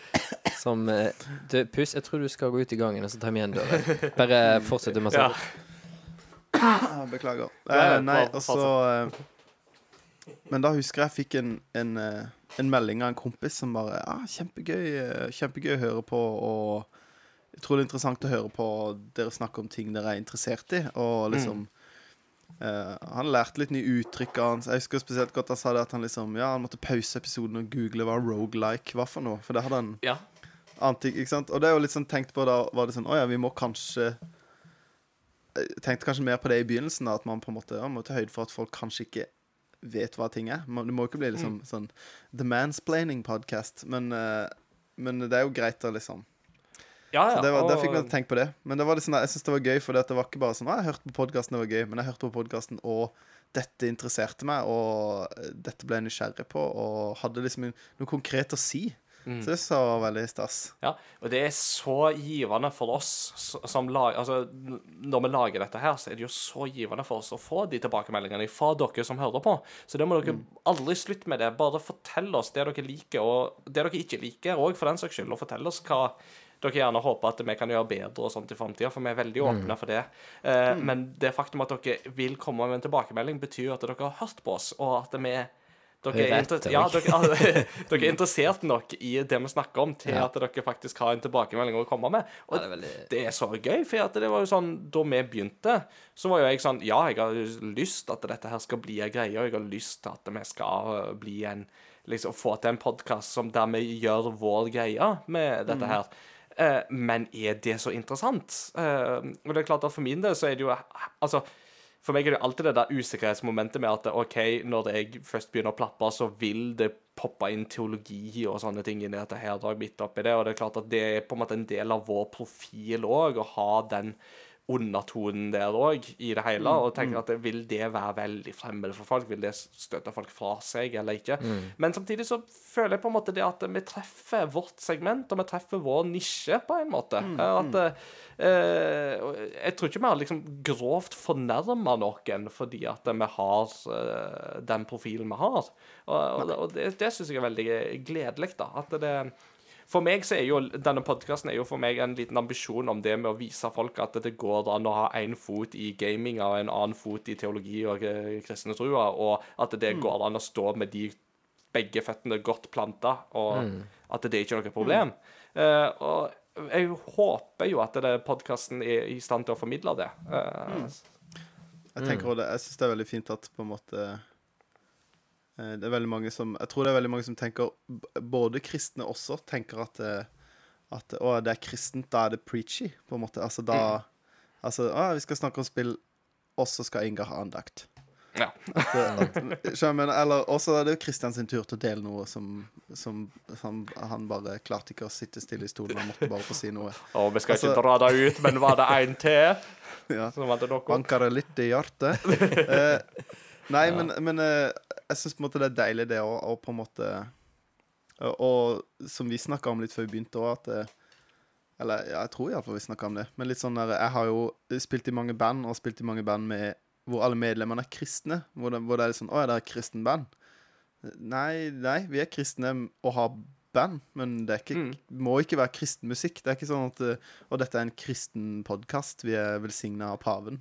Nei, Men, altså, eh, men- det, det er litt sånn som at eh, U2 er altså, er, altså Skal du kla- klassifisere det som kristenpop, liksom? Mm. Ja, Det er ja, jo det det. samme problemstillinga. Jeg liker at du sammenligner oss med U2. Er Ja, jeg du, du har Altså, bare få deg litt mer sånn farga briller. jeg tenkte, jeg, tenkte, jeg tenkte akkurat det samme om det. Akkurat det samme om det.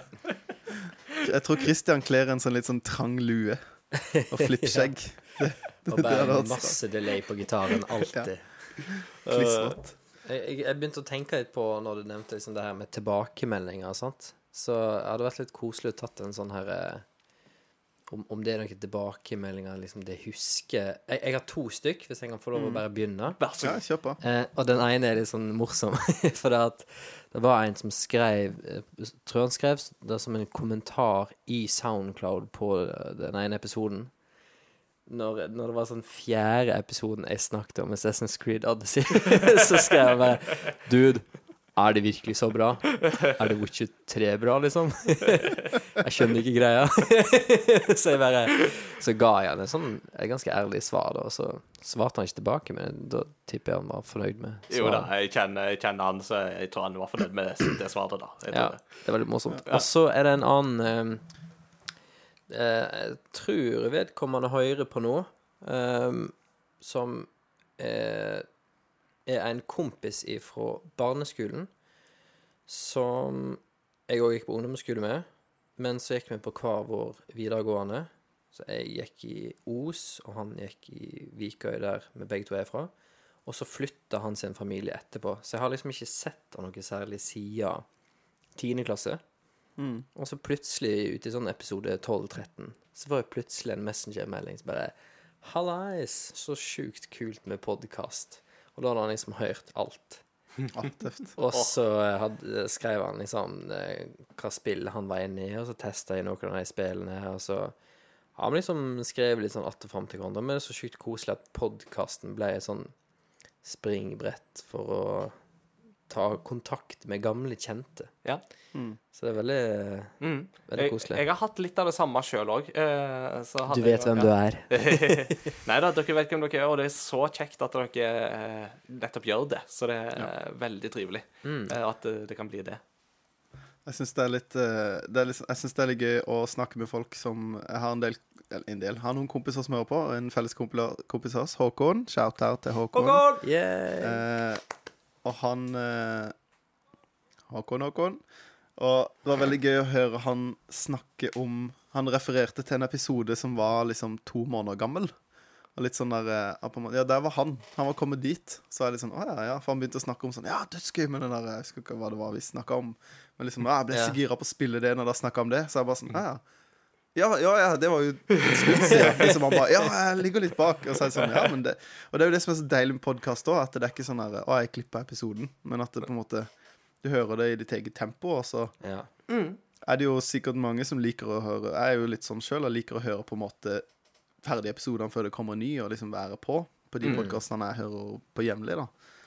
Men, eh, men det er utrolig deilig. Og så er det Nei, nei jeg syns det er stas når Det er stas når folk, selv om det er liksom gode venner, sier liksom Ja, det var gøy å høre det, eller eh, Ja, jeg hørte jo Ja, jeg begynte å spille det fordi Christian har snakka om Assassin's Creed Odyssey i 100 episoder. Eller Warframe, eller Ja. Warframe cross-save Nei, cross, uh, you cross-save, please. For å bli nye hashtaggen din her. Ja. Warframe cross save. Min nye kampsak. K- Ja. Crossover Gaming støtter cross-saves. Yes. Og crossplay. Det ligger jo på en måte i navn... Altså, vi er jo programforplikta, Ja, det, ja, det ja. si. Det må jo være noen en eller annen gang som har lagd en sånn meta-cosplay, hvor det er liksom crossplay. Åh. Kanskje. Stinglegen. Ai, ai, ai.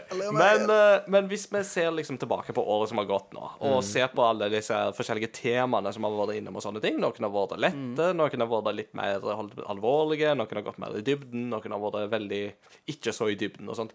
Hva er- føler dere sjøl er på en måte det gøyeste å ha jobba med av eh, tema?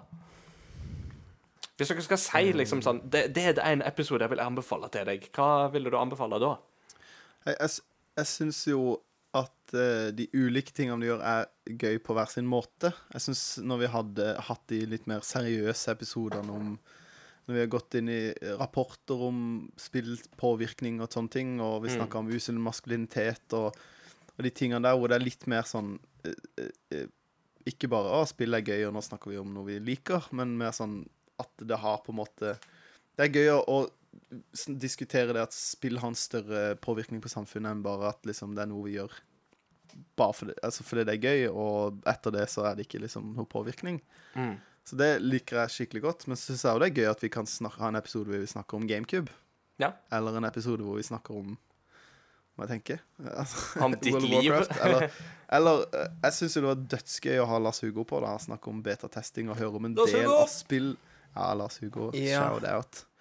Kan Da var jo ikke du med. Nei, kan jeg bare kommentere? For jeg satt og tenkte på akkurat den episoden der når du Ja. stilte det spørsmålet, Ingar. For Ja. at en av de kuleste episodene jeg har hatt personlig i, innenfor eh, den podkasten her, er akkurat den betatest-episoden. Ja. For da var jeg i Japan. Stemmer det?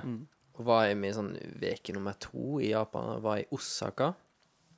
Og så hadde jeg eh, jo noen dager tidligere spilt inn et reisebrev som skulle være med.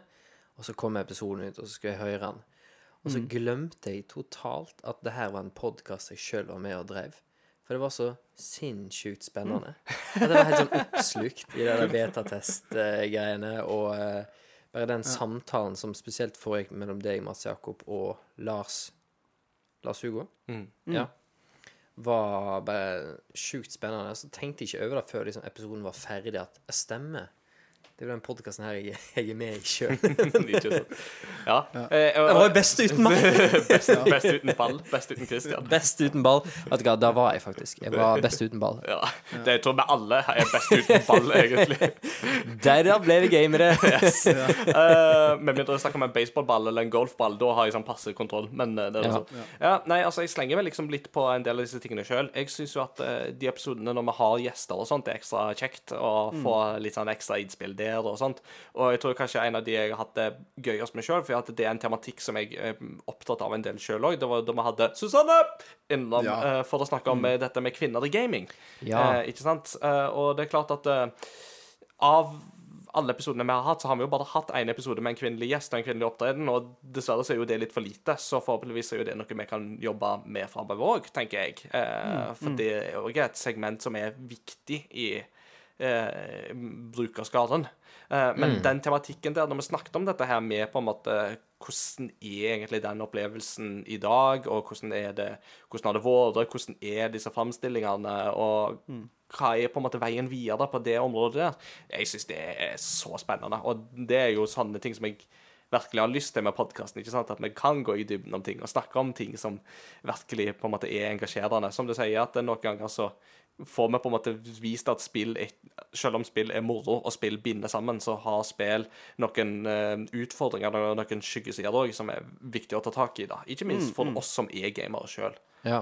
Ja. Når, du- når du nevnte det her med å ha kvinnelige gjester, at vi bare har hatt det én gang jeg, jeg tror nok da Da vi kunne hatt eh, godt av der, og som generelt hadde vært veldig koselig, er hvis lytterne kjenner til gjester som de tenker kunne vært veldig relevant å ha med i podkasten. Absolutt. Så vi, det trenger ikke være en person som en av oss tre kjenner. Nei.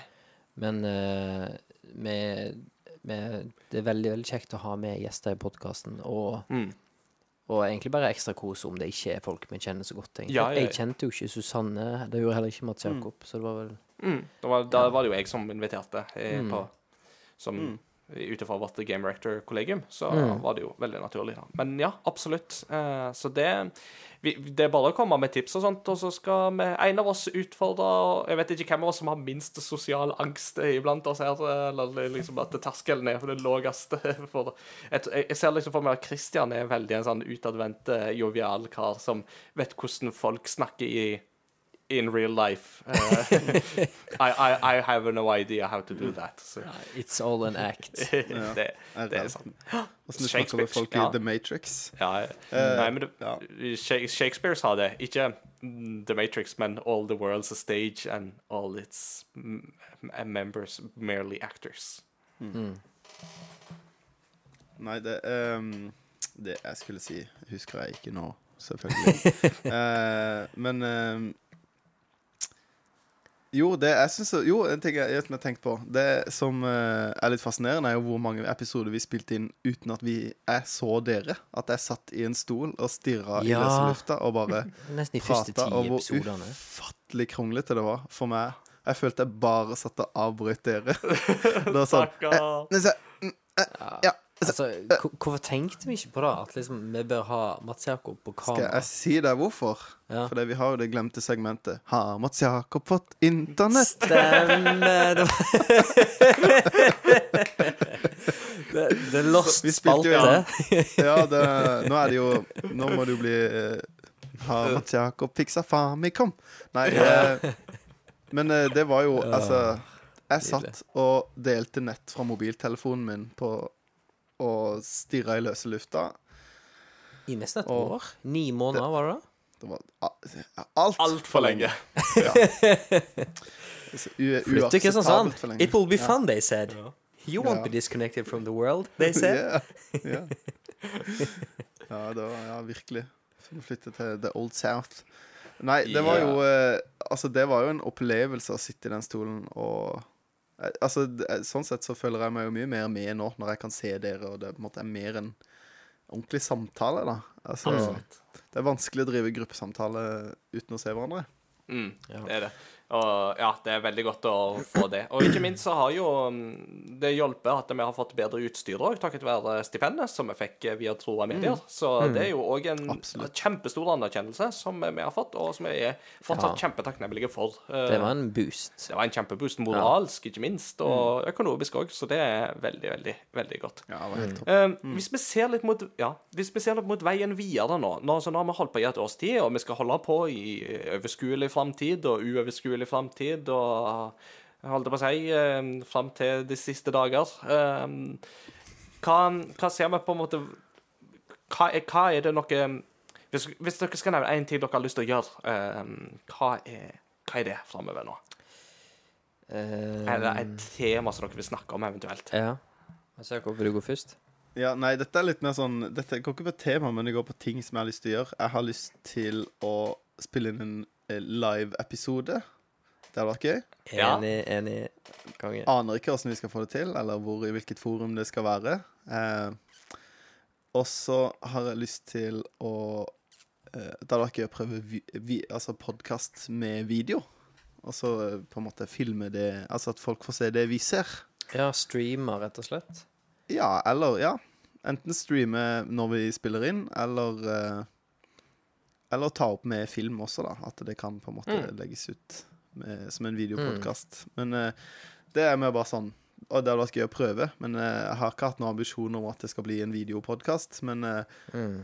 det, er jo, det er jo litt hyggelig å se det vi ser òg, og spesielt hvis vi viser fram ting, eller Ja. Ikke sant? Den som lever, får se. Det hadde òg veldig gøy å få til.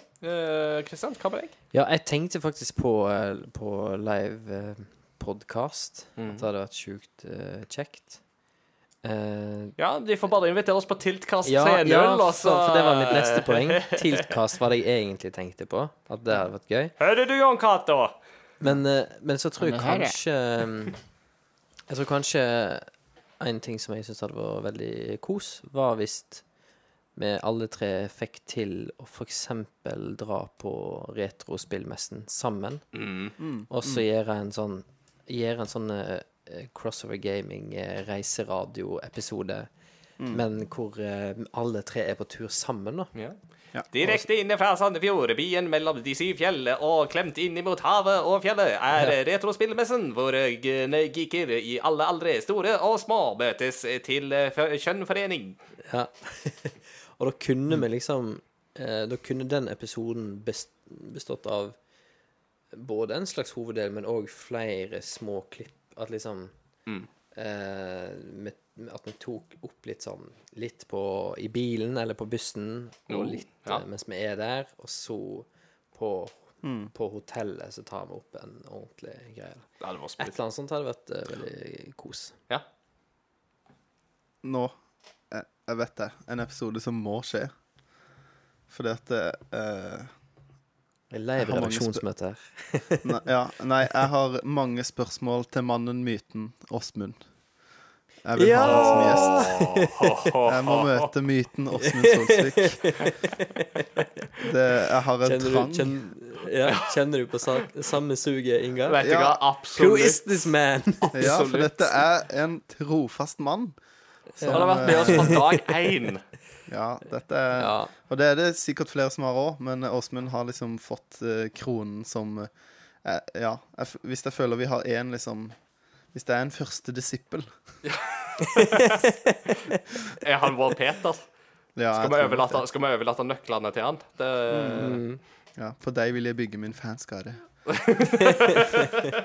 Nei da. Men uh, jeg, sånn helt, helt no joke eh, Jeg har på en måte tenkt det flere ganger at hvorfor Mm. eh, Hvorfor har vi ikke hatt på han? Det hadde vært kjempegøy. eh, Ja. Og Jeg tror det har litt med, med jeg, jeg må høre mer når han er sikkert eh, Jeg tror han syns det er en ære å bli spurt. Mm. Og så er det nok det er litt sånn geografisk at han bor på Vestlandet. Men vi kunne sikkert Mm. til en sånn eh, At vi får oss eh, alle tre lokasjonene i samme Mm. samme kamerachat. Vi får se hva vi, hva vi kan gjøre. Eh, når du snakket om dette her med Peter og bygge fanskare, så bare kom jeg på en liten teologisk digresjon. Men jeg har tenkt at uh, disippelen Peter burde jo egentlig ikke hete Peter i den norske oversettelsen. Han burde hete Steinar. ja, For å få med seg det pønnet der med at uh, du er Steinar, og på denne stein vil jeg bygge min kirke. Ja. Fordi at Peter er jo da et pønn på klippet på gresk. Mm. Så det, Men det var min digresjon. Så hvis jeg noen gang blir bibeloversetter og skal oversette sånn ny hipp norsk oversettelse, så kommer Peter til å hete Steinar. For det har jeg bestemt. Okay. Ja. Oh. min Mm. Hvis du skal sånn- oversette mangabibelen, så må du få de til å tegne den som en litt sånn der uh, The Thing eh, Hvis jeg skal øh, gjøre det, så skal jeg gjøre, først begynne med en bedre oversettelse enn den som fins på norsk, for den er begredelig. Så den er Ja. Eh, kongen av motivasjonen er det. Ikke sant. Ja. Eh, mine, mine drømmeepisoder Ja. er jo mer dette her med, som, som går på tema, da, med at vi kan gå mer i dybden på ting som engasjerer. ikke sant? Altså nå, Uten å tease, så neste episode så har vi et veldig spennende tema foran oss, så vi begynner allerede der. Eh, men òg liksom få inn gjester som kanskje på en måte har sine spesialfelt. ikke sant? Altså Hvis det er noen som er på en måte forsker på spill, eller på en måte er på en måte inne i det miljøet, eller jobber med utvikling, eller det, som har på en måte en veldig spisskompetanse på dette med spillmusikk, hva er det som eh, gjør spillmusikk så interessant, osv., så, videre, så hadde jo det vært kjempeinteressant å få til. ikke sant? Og hvis hvis du hører på og enten er en sånn person sjøl, eller kjenner andre som er der, så må du bare tipse igjen, så vil vi veldig gjerne prøve å gjøre noe med det. Eh, og så håper jeg jo selvsagt da, med at eh, året som kommer, at vi kan eh, spre det glade crossover gaming-budskap til enda flere lyttere. Eh, At uh, fanskaren vår kan bli enda større, og at enda flere kan bli, ta del i denne reisen. Det blir lagt til menigheten, om du vil. Så da har jeg absolutt lyst til å få til. Med det det, så Ja. Men, med det så Har du noen siste tanke? Nei, bare at vi, vi har jo noen Ja, ja. Vi har jo noen eh, Vi har jo blant annet en episode som skal handle om dere to. Hver av dere. Vi har hatt en episode hvor jeg har vært fokus. Så skal vi jo ha en episode om Inga og en episode om Christian. Det kommer. Altså vi, snakket så vidt om hvilken episode som har liksom hatt høyest uh, lyttertall. Og det er litt morsomt. For den episoden som har lavest lyttertall, No shit. det er den episoden hvor, hvor en av oss var i fokus på å bli bedre kjent med Cross of Gaming. Så bare, er ikke det koselig, da? Så bare ingen interesse. Nei, det, det er litt Nei, det Men Det jeg, jeg, jeg, tenker vi må det var, det var jo ikke en clickbait-tittel. Det var det jo ikke.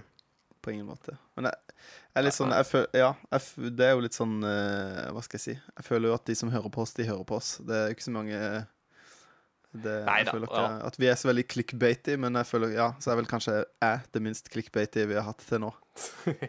Altså, vi, vi, vi er jo ikke jeg, jeg tror ikke vi har ambisjoner om å bli størst, men vi har iallfall en ambisjon om å være så gode på det vi holder på med, som vi kan være. Og det, og det skal vi fortsette med. Ja. Ja. Med det så Med mindre Christian har noen siste innspill å Ja, jeg, har, jeg, har en, jeg har en sånn eh, En liten sånn takketanke, da, hvis det er et ord. I would like to have this takketail. I have a dream. I have a takketank. Um, og det er at uh, Altså, OK, fra spøk til alvor her.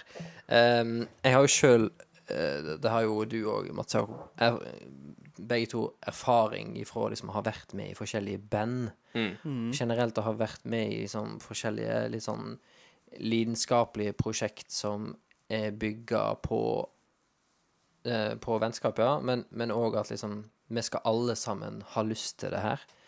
Og det blir best mulig hvis alle har samme pågangsvilje og er like gira, og alle tar en, sin bit av kaka i form av eh, ting som må gjøres, da. Kaka. Og, eh, og at en liksom Hvis den ene eller to eller tre blir mindre gira over tid, så gjør det fort at prosjektet liksom går i grus. Eh, og det har ikke skjedd med oss. Nei. Det har egentlig gått motsatt vei. Mm.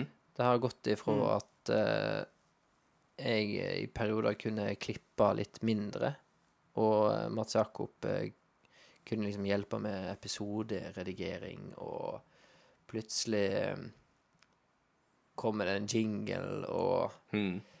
og, eh, og du, Ingar, gir jo en eh, fjell av en jobb eh, til episodebeskrivelsene. Og, nei, det føles ut som et veldig sånn et veldig sånn bra kollektiv som på en måte bare fortsatt uh, går riktig vei, da. Mm. Og da mm, har jeg Etter min erfaring så må en ikke ta det for gitt, da. Nei, det er helt sant. Og min motivasjon for podkasten er jo gått så opp at jeg skulle ønske vi kunne gjøre dette hver uke. Uh, Ja, ikke sant? Så jeg er jo heller der. Men uh, med jobb og holdt på å si, med jobb og helse og alt sånt, så må en ta noen hensyn her i livet. Så enn så lenge så vet jeg ikke Ja. om det lar seg gjøre, men uh, definitivt alltid hvis vi kommer dit en gang. Ikke sant? Så. Det var ikke Eh, er dere klar for en liten kuriositet? Yeah, boy. For dette er en hebreke pachinko-kontroller til Super Nintendo. It's curiosity. What are you gonna show to me? It's curiosity. What a neat thing to know. It's curiosity. What are you gonna show to me? I haven't even heard of it. What a neat thing to know. It's a great part of the show. Da eh, går vi til neste liturgiske ledd, som er dagens kuriositet. Og i dag så er det jeg som har tatt på meg jobben med å fordele arbeidsoppgavene. Så da har jeg eh, fordelt kuriositet til meg sjøl, og så har jeg eh, fordelt anbefaling til Kristian, og så har jeg fordelt det postludium til Mats Jakob. Mm. Så eh, i eh, dagens eh, kuriositet så vil jeg stille dere et spørsmål. Har dere hørt om eh, en konsoll som heter Comboy? Eh, nei. Nei. Har dere hørt om Nintendo Comboy? nei. Nei. Eh, Men hvis eh, det er Mest sannsynlig er dette fordi at ingen av dere har bodd i Sør-Korea. Det har ikke jeg heller. Men greia er at i Sør-Korea så ble Nintendo-produkter lenge gitt ut under navnet Hundai Comboy. Eh, og det skyldes at etter andre verdenskrig så var ikke Japan og Sør-Korea så veldig gode venner, eh, av veldig forståelige grunner. Hvis du ikke vet hvorfor, les litt andre verdenskrigshistorie. Eh, og så japanske selskap hadde litt sånn hadde begrensninger helt fram til 2004 på dette med å få eksportert varene sine til Korea og liksom skape kulturprodukter i Sør-Korea eh, fordi de var japanske. Eh, men dette forhindrer ikke Nintendo i å faktisk gjøre et innstøt inn i det koreanske markedet, så de inngikk en samarbeidsavtale med Hundai, som jo er koreanske, eh, og Hundai skulle da gi ut Nintendo sine eh, konsoller og lignende i Sør-Korea, men det måtte da rebrandes eh, som følge av at Nintendo var japansk, og derfor så fikk ikke de lov. Så da Så Hyundai Comboy er da faktisk den sørkoreanske ekvivalenten av Nintendo Entertainment System, eller Famicom, om du vil. Eh, Comboy ble da senere fulgt opp av Super Comboy og Comboy 64. Eh, I 2004 så ble dette forbudet oppheva, og eh, Nintendo har siden solgt seg inn under merkenavnet Nintendo, sånn som i de fleste andre plasser. Da fant Mats Jakob en ny ting han skulle kjøpe seg. Comboy. Ja. Ja, så greia er faktisk at hvis du finner noe som heter The Comboy på et loppemarked eller noe sånt, that's not pirate thing. That is actually a real deal. I come across over gaming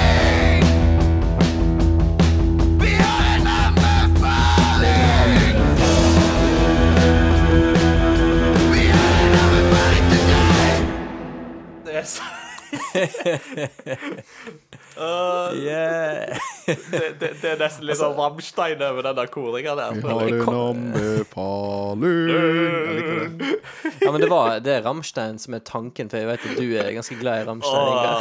Ja, det er Så det var en liten pleaser Åh, til deg En grås Rammstein-fan. Ja. Når vi, hvis vi skal utvikle den her videre, så må du slenge på noe sånn der eh, Turboneger, Knut Schreiner, sånn ettakts gitarsolo, og at det kommer på Vi har en anbefaling.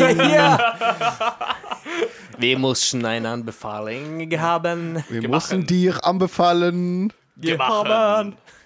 So, was ist die, die, die Anbefahlung? Äh, guten Christian? Tag, äh, vielen Dank. Ich heiße Christian. Ich bin äh, 28 Jahre alt und Ja, ich jeg komme aus Vikoi. Ah, jeg trodde du skulle si 'ich bin 13 Jahre alt'. Jeg er 13 år gammel. Liksom, liksom sånn, når du begynner å lære tysk, så er det liksom That's a different podcast. That's a different podcast. Men Sist ja, gang du øvde på eh, ja. på tysk. Altså, det her toucher jo eh, Den anbefalingen her er inspirert av samme YouTube-kanal som forrige anbefaling. Oh, Det er jo min eh, elskede YouTube-kanal Digital Foundry. Oh, we got a theme going. Å, Ja, det er så koselige briter som driver den, eh, den eh, YouTube-kanalen der. Og de, de hadde en eh, De hadde en YouTube-film hvor de skulle liksom feire Jeg lurer på om det var 20-årsjubileet til Quake 2. For å få den liksom autentiske opplevelsen, da, så hadde han ene av disse karene, han som skulle ta testingen, og det her var bare en stream de skulle ha, da. Så eh, fant han på bruktmarkedet en CRT-skjerm, CRT-monitor. Disse her eh, Billedrørs ja, monitor. Ja, for de, for de unge lytterne våre så er det her da De gamle monitorer var liksom ofte hvite og lange. De var også var de tunge. Å, altså, de var så tunge. De veide jo Ja. gjerne sånn 30-40 kilo. Ja. Eh, og um, og så må han jo fikse litt på kablene og sånt for å få den her koblet opp til en moderne maskin med displayport og sånn. Og så får han up and running, og så bare sier han liksom en gang bare Åh, du, det her var ganske behagelig for øynene, altså. Altså, det er jo, det er jo lav oppløsningsspill, men det er ganske sånn crispy og Shit, det er ganske bra fargespekter og liksom tydelige farger og og det er ikke noe sånn ghosting som du ofte lett kan få i flatskjermer. Wow, for et svartnivå det var her, da. Det her er Quake 2, liksom. Og så sitter han igjen og bare Du, altså, nå har jo du fått det til å funke på den maskinen din. Kan kan du teste å kjøre et moderne spill på den her? Så han bare Ja, ja. Og så fyrer han opp Control. Og så blir han helt mindblown, for at det ser tydeligvis helt sinnssykt bra ut. Og han bare What? Og så eh, sitter de liksom og diskuterer liksom hva de opplever, da. Bare sånn bildeflytende og nesten uavhengig av oppløsning, hvor skarpt bilde likevel føles, og bare sortnivået og alt sånt. Han bare ramser opp masse ting. Han bare Seriøst, den der svart Den, eh, den eh, 4K OLED-TV-en min, han er ikke i nærheten på mange av disse tingene. Oi. Og han bare shit. Og så begynner jeg liksom å, å liksom bli litt sånn der trist og bare shit. Tenk, tenk, tenk det, alt vi har mista ved at vi skulle gå over til tynnere og lettere TV-er. For at det er jo ganske tydelig, og hvis du ser på en CRT-skjerm, bare hele pakken, og en, en, eh, en flatskjerm, at det må jo være forskjellig teknologi her. Og hoved, altså det som en dataskjerm gjør, er jo at han, han sender ut et lys i form av en farge. Eh, og så prøver han liksom å gjenskape ekte farger, da. Og måten en, en CRT-skjerm og en flatskjerm eh, lage det her lyset på, er ganske en, en forskjellig teknologi, da. Jeg kan ikke så veldig mye om akkurat hvordan CRT-TV er. Det er vel noe sånn bilderørsopplegg. Eh, opplegg. Men, eh, men i hvert fall, de, liksom, de skryter det her så skyhøyt opp, da. Og så sitter de bare liksom og ser bare shit. Altså, nå kommer jo bruktmarkedet til å eksplodere. Det kommer til å bli så sinnssykt dyrt Ja, å ja, få ja, tak i det- en CRT-skjerm. Ja, fysj. det er jo ulempen med dette er jo det at bruktmarkedet er jo allerede ganske pressa på det Ja. området der. Og hvis en på en måte får enda mer Altså, på ene sida, ja, vi må opplyse folk om at det er faktisk ei greie, men eh, på en annen side, så Altså, altså for Ja. Vær så god. Jeg bare sier Altså, det I på en måte retroverden, da, så er liksom det feteste du kan ha, er en, en Sony PVM. Eh, som er da de Ja, er det den de PVM 900? Ja, det er vel Altså Ja, det er vel generelt PV... Altså, det finnes jo selvfølgelig noen som er bedre innenfor det, men altså, de skjermene som ble brukt i TV og film for å vise tilbake, som de satt og redigerte på, som de brukte på En sånn referanseskjerm, på en måte. Ja. Og det er på en måte de beste skjermene du kan få til eh, RGB-signaler. Altså rød, grønn og blå, som det er skart er. Eller som på en måte komponentkabelen, da, inkorporerte. Eh, f- eh, og det er Og de er skamdyre. Og altså til og med skjermer som er nede i liksom tolv tommer, går for liksom ganske mye penger. Altså det er ikke mange, mange tusen, men eh, Og de mest ettertrakta er jo de som er gjerne er på liksom 6, et sted mellom 26 og jeg tror de største jeg har sett er en opp over 30 tommer. Ja. Eh, Men, men, eh, men eh, poenget her, da, er at eh, det her høres fort ut som en kuriositet, men det er egentlig en anbefaling, og anbefalingen er skaff deg en CRT-monitor før det blir helt bananas dyrt og vanskelig. Eh, og eh, en annen ting som er veldig bra med det, er at du får et såpass skarpt bilde med relativt lav oppløsning. Så blir det jo Hvis du da har spillekontroll, og du har et RTX-kort, så trenger ikke RTX-kortet fokusere på å pushe 4K oppløsning.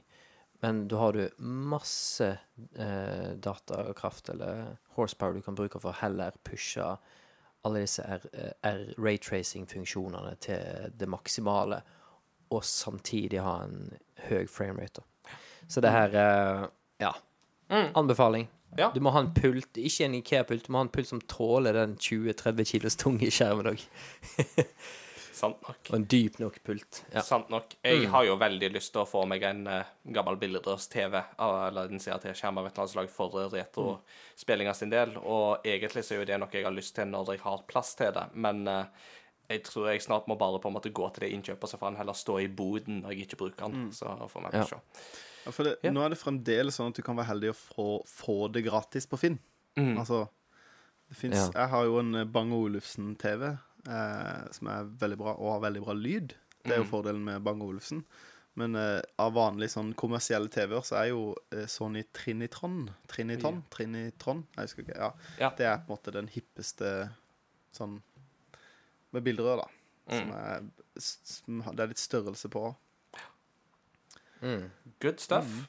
Takk til deg, eh, Kristian. Eh, og med det så går vi til kveldens eh, siste liturgiske ledd, som da er postludium. Og Mats Jakob, hva har du for oss i dag?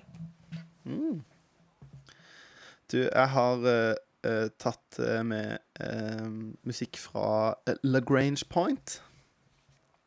Uh, og eh, Ja. nå leste jeg litt sånn kjapt eh, på akkurat det. Og det jeg ikke visste, da Det Jeg sa jo at dette her er sånn eh, science fiction RPG.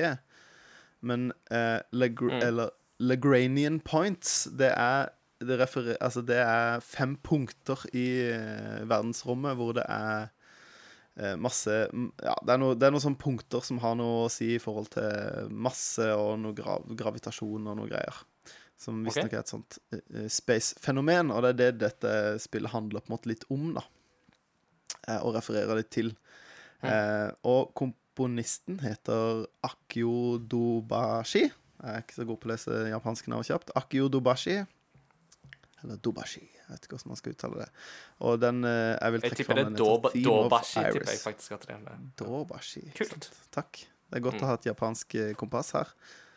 Um, og eh, Theme of Iris er da det jeg har trukket fram. Og um, det er veldig, veldig bra musikk til Altså, jeg syns ikke det er til å være 8-bit engang. Jeg syns det er bra musikk. Godt komponert, Ja. fin uh, musikk.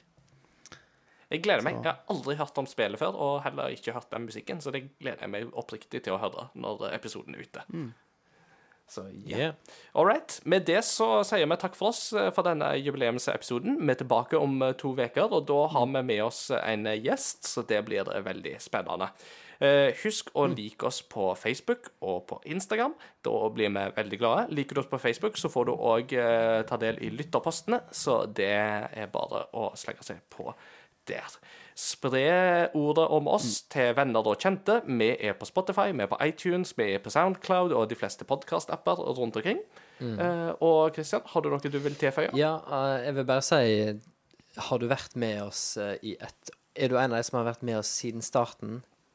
Tusen, tusen takk.